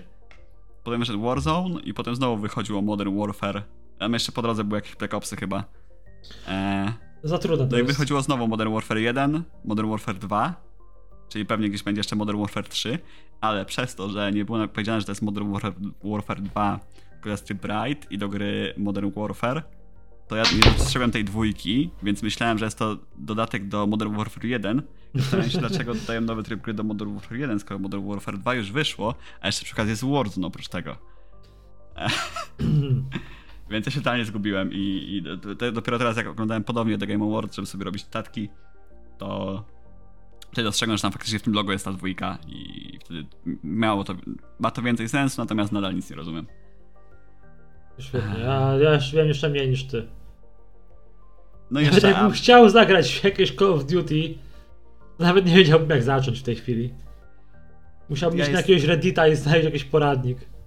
pewnie tak, pewnie jakąś taką mapę, żeby wiesz, No, no, no. ogarnąć, bo tam szczególnie, że tam e, to, fabuła jest istotna mimo wszystko w tych nowych Modern Warfare i ona jest nawet ciekawa. E, I No. dla niej warto zagrać, pomijając ten aspekt multiplayerowy. Ja widziałem jak teraz są dialogi, takie się wybiera chyba opcje dialogowe nawet w niektórych miejscach. A to czy się wybiera, to nie wiem, ale no jest taka, jest dobra fabuła akcji, taka oparta jakieś tam militarne rzeczy, nie? Mm. No i, i sama seria Modern e, Call of Duty też mi się podobała. Kurde, ta stara dwójka jest dalej jedną z gier, które przyszedłem najwięcej razy w moim życiu. Wracałem do niej bardzo często. No, ja grałem do jakichś Black Opsów, którychś pierwszych chyba. Co było w Black Opsach pierwszych? Nie mam pojęcia, bo akurat Black Opsy mnie ominęły. Ale, Whatever. no, ale tak to były dobre gry, no. No, pewnie, pewnie. Ale tak, nie wiem, co tam się stało. No i update do Cyberpunka, ale w Cyberpunka nie grałem, więc tego przyjąłem. No fajnie, że jest. Fajnie, że Ja, ja się cieszę, Cze- czekam, mam nadzieję, że będzie fajny. Ja bardzo mam dobrą recepcję na Cyberpunka. Wiem, że ludzie narzekali i, i słusznie narzekali, ja rozumiem. To, co się tam stało, to jest katastrofa. I zwłaszcza ludzie, którzy kupili grę na PS4 na przykład, albo... albo No, no tak, tak, to jest to, to jest w ogóle- nie- niewybaczalne. jakby to, że wiesz, jak ta gra wyszła, to no, trzeba było mieć szczęście, nie? Do tej pory trzeba mieć trochę szczęścia z tego, co wiem. Mam przykład dwóch znajomych, który jeden grał dużo wcześniej i, i połowy tych błędów, o których było tak głośno nie napotkał, z tym, że on grał, jak dobrze pamiętam, e, na GeForce, Nvidia GeForce Xperia, nie, Nvidia, e, na tej chmurze Nvidiowej No, GeForce- no, GeForce- GeForce Now, GeForce GeForce Now, coś takiego, no. E, i tam to działało. Teraz po tym, jak już sporo odpaczowali, to grał drugi znajomy i on na przykład dalej dużą część błędów spotkał. Mhm. Mniej lub bardziej wybijając się z imersji, nie? Więc Ja, ja mam dużą tolerancję, więc i też grałem na PC, więc y, ja, ja to Ja też jestem- dosyć wcześnie. Wcze- Wcześniej w patchach, w, w patchline, w pipeline całym, jak to patchowali. Aha. E, no miałem jakieś tam rzeczywiście glitche e, z teksturami, jakimiś takimi pierdołami, ale no ja mam generalnie dużą tolerancję na gameplay. Jeżeli fabuła i historia jest fajna, to, to gra mi siądzie i akurat Cyberpunka do, dobrze wspominam, więc No ja też jakby jestem w stanie grze dużo wybaczyć, jeżeli faktycznie mi siądzie, nie? To jest jakby... Naprawdę jestem w stanie... Zresztą Gotika 3 dużo grałem. e, więc... Śmie- śmieszne, że załatwili Idrisa e, do, do tego. Jup. To nam jest Idris Elba. Tylko mogę powiedzieć, bo nie wiem, kto to, kto to jest. Idris Elba? Nie wiesz, kto jest Idris Elba? Taki Pewnie aktor. wiem, ale to jest... A oglądałeś Pacific Rim na przykład? O, Pierwszy? właśnie nie, właśnie nie. Właśnie oglądałem Pacific Rim. No nie wiem, co mogę Znaczy ci imię, powiedzieć. nazwisko słyszałem, ale... Nie, nie wiem, co mogę ci powiedzieć, Humphrey, na to. Że nie widziałeś pierwszego Pacific Rima, ale zwłaszcza ty. No właśnie, bo zwłaszcza ja, nie? To, to, No. to jest dziwne, muszę, muszę nadrobić kiedyś. No tak jak to tak. Wielkie jest, jest, chyba, chyba spoko aktorem, I guess. I zanim jeszcze do Wild Heart przejdziemy, e, no to patch notesy z Rocket League były. I jestem pod wrażeniem, że ktoś zrobił całkiem na serio collab z całą ideą Lofi Girl. Lo-fi. Aha. Eee, nie, nie, jak, jak zobaczyłem, to trochę nie mogłem uwierzyć. Nie wiem, czy kończą mi się tam Z jednej strony jestem pod wrażeniem tego pomysłu, jestem na wow. Z drugiej zastanawiam się, czy to nie jest takie... Już nie wiemy, co zrobić i gdzie pójść z tą grą. Więc bierzemy jakiś tam internetowy trend. Posłuchaj, dla Fortnite'a to działa. A Fortnite nie tak. ma Lo-fi Girl, z tego co wiem, jeszcze. Jeszcze nie, no tak. Ciekawe, czy będą kolejni. Ciekawe, czy za rok na The Game Award zobaczymy. No, teraz może być Lo-Fi Girl. Możesz atakować swoimi bitami. Mm. No to co, Wild Hearts, tak? Przyszło, przyszło, przyszła pora na Wild Hearts. No, nowy Monster Hunter. To jest mój, mój, moja notatka. Tak, to prawda. Jest to nowy Monster Hunter. Jest to ciekawa wariacja na temat Monster Huntera, tak mam wrażenie. Szczególnie, no, no dobra, jakby skłamałbym mówiąc, że Monster Hunter ma e, bardziej przyziemne potwory niż e, e, te super e, boskie bestie z, z Wild Hearts. Mm. E, bo Monster Hunter też ma swoje, swoje boskie smoki. E, natomiast, no zobaczymy. No, na razie pokazali dużo bum bum. E, Wyglądało ładnie, fajnie. Dalej pójdzie. To robi Omega Force, które jest z kolei tak samo jak przy Lord of the Fallen. Przy, przy The Lord of the Fallen to jest in-house studio Koei Tecmo i oni. To jest studio, które zrobiło 15 różnych Dynasty Warriors, Persona 5 No tak. Strikers, Fire Emblem Warriors i Hyrule Warriors i wszystkie inne Du- Warriorsy, więc. Du, dużo takich akcyjnych mocno gier, nie? Mm, mhm. Więc można zaufać chyba, że ta walka będzie, będzie bardzo spoczko. No, no. Wygląda okej. No i na zaraz po Wild Hearts wyszedł na scenę pan Yoshida. Tak. Po raz Pokazać. pierwszy ściągnęli go y, na Game Awards y, Yoshi od Final Fantasy XIV i 16. I już 16 dokładnie, bo przed bardziej bogacie 16 niż o 14. Mhm. E, Ja, bym chciał e, bardzo go pochwalić za to, że jako jedna z niewielu osób z japońskiego managementu różnych e, studiów gier przyszedł i mówił po angielsku. Przed sam powiedział wszystko sam. No, no. Tak, to jest, to jest coś, co się nieczęsto zdarza. Nie, nie powiedział zbyt dużo tak naprawdę. No tak, A- tak, ale, ale, ale, tak, jednak. pewnie, pewnie. Ale jednak. Mm. I co, ja trochę czekam na tą szesnastkę. Piętnastka przeciana moją głową. Jakoś nie, nie spodobał mi się ten klimat jeżdżenia samochodem i znaczy nie spodobał. Nie, bo, bo nie grałem, więc ciężko powiedzieć, że mi się nie spodobał, ale nie zachęcił mnie ten, ten klimat jeżdżenia samochodem i bicia wielkich jaszczur obok autostrady. No, 15 miała problemy z developmentem, bo no, po pierwsze ona była trochę bloated, tak samo jak czepiałem tą Ubisoftozę, tak, na ten otwarty świat Mhm. z znacznikami, markerami, questami, które są bardzo generyczne. Eee, oni tam mieli problem z producentem tej gry i jeszcze chyba z silnikiem po drodze i dlatego zakończenie jest zraszowane i trochę pocięte. Część w ogóle fabuły na samym początku dzieje się w filmie, który jest na Netflixie. Więc A, gra faktycznie tam było coś takiego. Gra się zaczyna w jednym momencie, po czym jest timeskip. Gra się dzieje w drugim momencie, ale po drodze dzieją się rzeczy, które są opisane w filmie, w Kingsglaive. No i tak mm. by warto go obejrzeć, bo tam są jakieś ciekawe rzeczy, które uzupełniają trochę kontekst całej reszty gry. No to było, to było, to mes generalnie to, co tam się działo. No. Ale szesnastka, po pierwsze ufam Yoshidzie. Yoshi to co zrobił z czternastką, jak prowadzi czternastkę i tą swoją ekipę. Yy, według mnie sobie jak, na, jak największy szacunek, jak się udało tą katastrofę odwrócić, więc wierzę, że przy 16 również sobie poradzą. To jest też spora część tych samych ludzi od 14, tam też Koji Fox robi tłumaczenie nice. etc. No, yy, ja się w ogóle na tym... Ja w ogóle miałem ostatnio znowu bardzo głupi moment w życiu. Mhm. E, bo był. Ktoś rzucił cytat Tobiego Foxa. Już wiesz, mnie to dąży, prawda? Mhm. Pomyliłeś go z ko Kodzim? Tak, pomyliłem, pomyliłem go z Kodzim Foxem. Tak. Mhm Kurde, a czemu, czemu ten koleś nie pracował, czemu Undertale nie pracował nad Final Fantasy? To, to, Toby Fox, deweloper Undertale'a, Koji Fox y, odpowiedzialny za tłumaczenie Final Fantasy za, na język angielski. Tak, tak. Pewnie dwie, dwie inne osoby. Więc, no, widać, widać, że jak się ma jedno nazwisko, to jest już problem dla niektórych osób.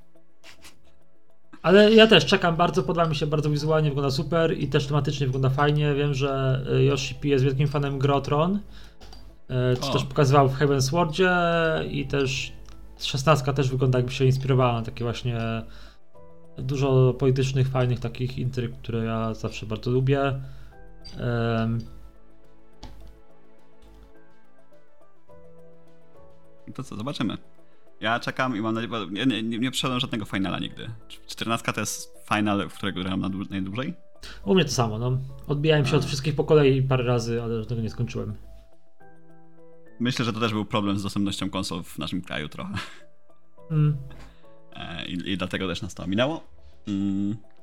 Chciałem zagrać kiedyś w remake 7, ale chyba poczekam, aż wyjdzie faktycznie ta druga część, która powinna chyba kiedyś wyjść. Gra kosztuje jakieś chore pieniądze, jakieś na PC na przykład, jakbyś chciał kupić tego, tą siódemkę, to ona kosztuje chyba 150 zł. Wymyślam teraz, ale jakoś dużo. No może złapę jakieś na jakiejś promocji, no. Kiedyś musi być. Na promocji kosztuje tyle, tyle co normalna gra w pełnej cenie. No okej, okay, no okej, ale to jest gra, w sensie wtedy na promocji jest faktycznie pełna gra w pełnej cenie. Więc... No nie wiem, czy to jest okej. No, pewnie można by było podyskutować, czy, czy ta cena jest. No, ale jest to mimo wszystko nowa. Znaczy, jest to remake, ale jest to remake zrobiony z pompą, no. Na no dokładnie. Gry. W pewnej cenie kosztuje 340, 340 zł. Jezu Chryste. Jakbyś chciał teraz wziąć z, z półki cyfrowej. Więc będę czekał na promocję. Mm, no, no. I chyba została nam ostatnia gra. Co nie? Bo mi się dodatki skończyły. Jestem zdziwiony, że ta gra nie trafiła na moją listę dodatek. Która? Która jedna została. Czy masz więcej niż jedną? Ja coś przegapiłem? No ja mam, ja mam jedną, którą przegapiliśmy, ale... A co, jest, no. co było po Wild Hearts? Co było jeszcze raz? Co, co było po, po Wild Hearts i po Final Fantasy? No Armored Core. A, oczywiście, jak mogę zapomnieć? Bo ja mam jeszcze jedną, którą przegapiliśmy, to jest Death Stranding, już przegapiliśmy. Death Stranding, o którym coś, coś możemy powiedzieć, o Kojimie. Okay, ale dobra, to, dobra. Ale to jak, jak chcesz mówić o Death Stranding, ja się wyłączam. Nie, ja tylko chcę powiedzieć, że, że był trailer do dwójki, no bo jednak zaprosili Kojimę osobiście, pojawił no tak, się. Tak. Były też liki już wcześniej, że będzie akurat w Los Angeles, wtedy kiedy akurat Game Awards, więc nie trudno było dać dwa do dwóch, że jednak tam, gdzie pojawia się Jeff Keighley i różne gry, to tam też będzie i Kojima. Z jakiegoś powodu te dwie osoby idą w parze. Pokazał trailer do, do Death Stranding 2, które też y, zarevealował, że taka gra jest w produkcji. Trailer oczywiście jest bardzo mocno w stylu Kojimy, czyli trzy razy się kończy, ma napisy końcowe, po czym trzy razy się jest coś dalej po, po napisach końcowych. Yy, I yy, potem pojawił się tam Kojima na scenie po tym trailerze i miał, miał tłumacza i trochę opowiadał o swoim, o swoim życiu i o tym, że poza Death Stranding 2 i też zaaludował, że, że, w trailerze jest bardzo dużo znajdziek i różnych easter eggów albo odwołań, więc mam nadzieję, że ludzie będą oglądali i, i, i się dowiedzą więcej z tego trailera. Kojima style. Mhm. Ale też mówił, że ma jeden eksperymentalny projekt w bardzo wczesnej fazie produkcji yy, i że, że chodzi o grę, tak? Yy, mhm. I że chciałby się nim pochwalić, ale na razie jeszcze właśnie eksperymentuje. I nie wiem, bo tam było dużo kolaboracji pomiędzy nim a Del Toro, więc też Silent Hillsy, czy PT, tak, nie? Mhm. I, i jestem ja ciekaw, czy... Del Toro, to, to wyszedł ten Pinokio od niego. I ponoć jest dobry. Mm, mm. Jako film. Muszę gdzieś tam też się ja, ja jestem bardzo słaby w kinematograficznie, ale no... Wiem, że Del Toro robi dobrą robotę. Na przykład Pacific Rim. Nie. A dobra, obejrzę. I co ciekawe, Kozima jeszcze powiedział, że ma jeszcze jeden projekt, który nie jest grą, tylko jest jakimś, jak on to nazwał, poczekaj, on tutaj zapisane, eee, Visual Project. Więc o. być może w końcu się jego marzenie spełni o byciu... Reżyserem filmowym. Tak, tak. I, I zrobi nam coś innego niż grę. No myślę, że to jest w zasięgu, nie? Aż Tutaj zastanawiam się, jak tam będzie development, no bo ten jak rozumiem, że można jakby w pewien sposób nadzorować rozwój dwóch gier, mniej lub bardziej, ale wydaje mi się, że seria filmu to jest coś, nad czym jednak tak bardziej ciągle pracujesz. Mm. Mm. Tak to sobie wyobrażam, przynajmniej pracę reżysera filmu. Więc tak. No ja do DS2 na pewno obejrzę ten trailer, jak już skończę jedynkę. E, dużo bardziej jestem ciekaw w tym, co powiedziałeś, bo wywiadu też nie oglądałem, bo się bałem, że tam Kojima coś pierdzielnie dotyczącego DS1. E, więc zainteresowało mnie bardzo to, że jest ten jakiś nowy projekt. Jestem ciekaw, w którą stronę to pójdzie znowu. Mhm. Mówił jeszcze, e, zapytał się go w pewnej chwili, e, bo Jeff go interwiował.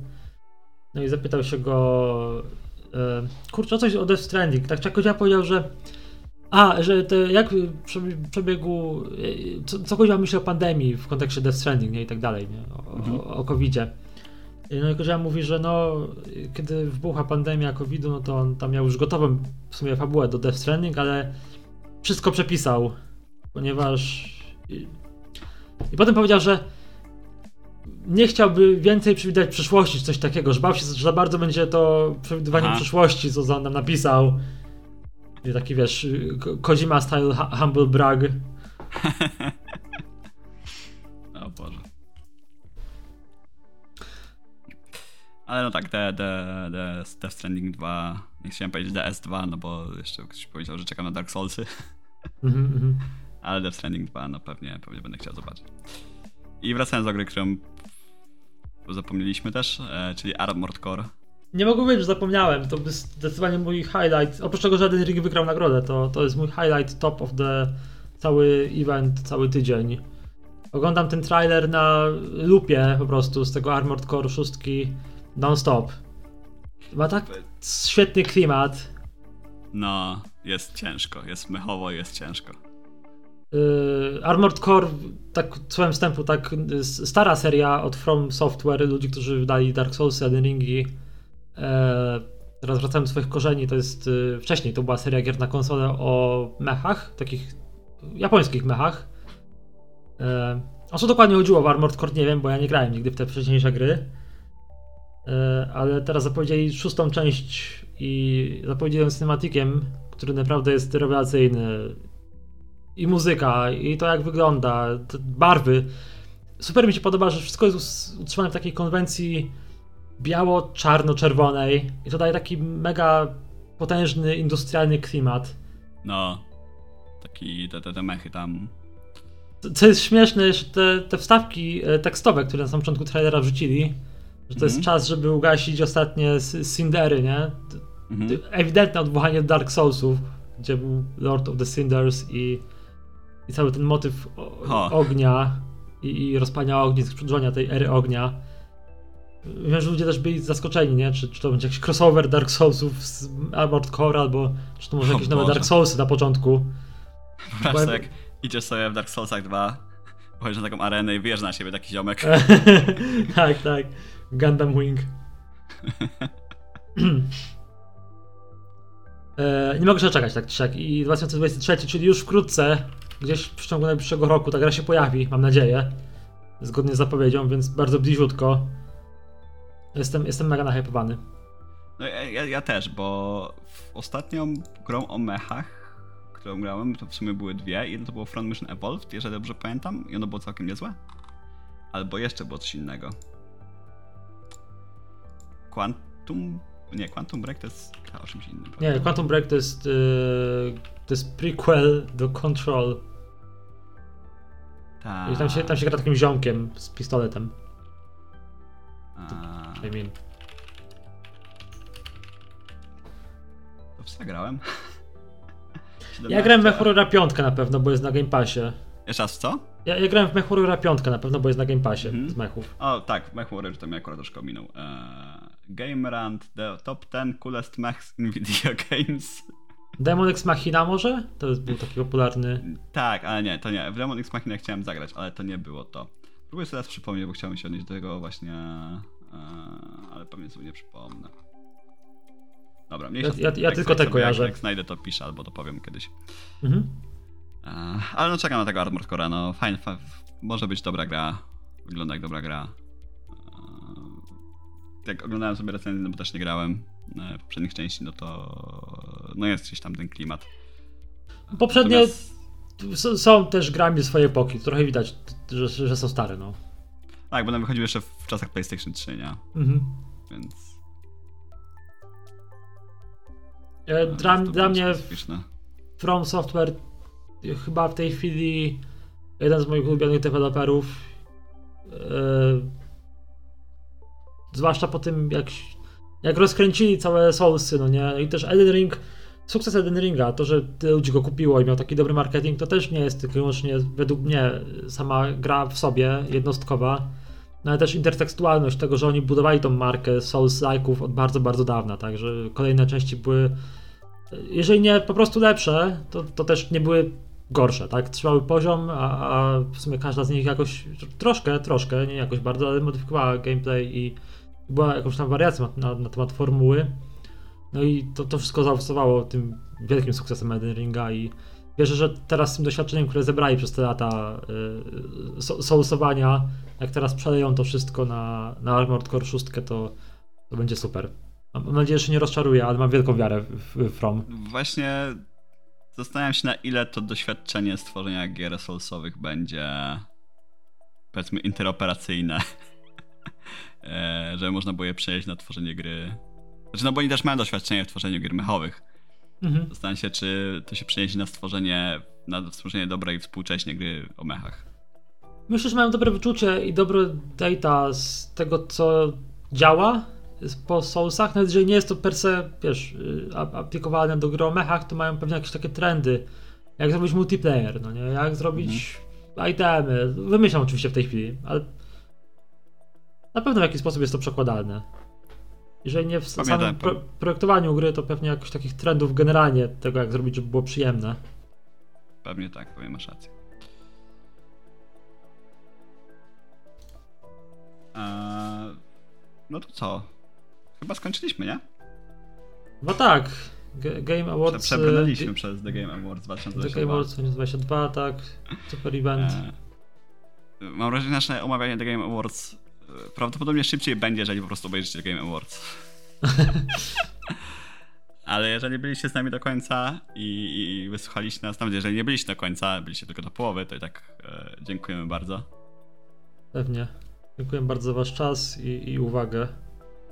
Tak, jakbyście chcieli nas znaleźć, to jesteśmy na Spotify, jesteśmy na Google Podcasts. Mam nadzieję, że niedługo albo będzie publikacja tego odcinka, albo, albo troszkę później będziemy też na Apple Music, albo Apple Podcast, kurczę nie pamiętam. I Mamy pewnie Twittera? kiedyś na YouTubie. Mamy Twittera, na którego was zapraszamy, Twitter at point and discuss. I to chyba tyle, widzimy się w kolejnym odcinku. Pewnie. To w takim razie do usłyszenia, do zobaczenia. Pa, pa.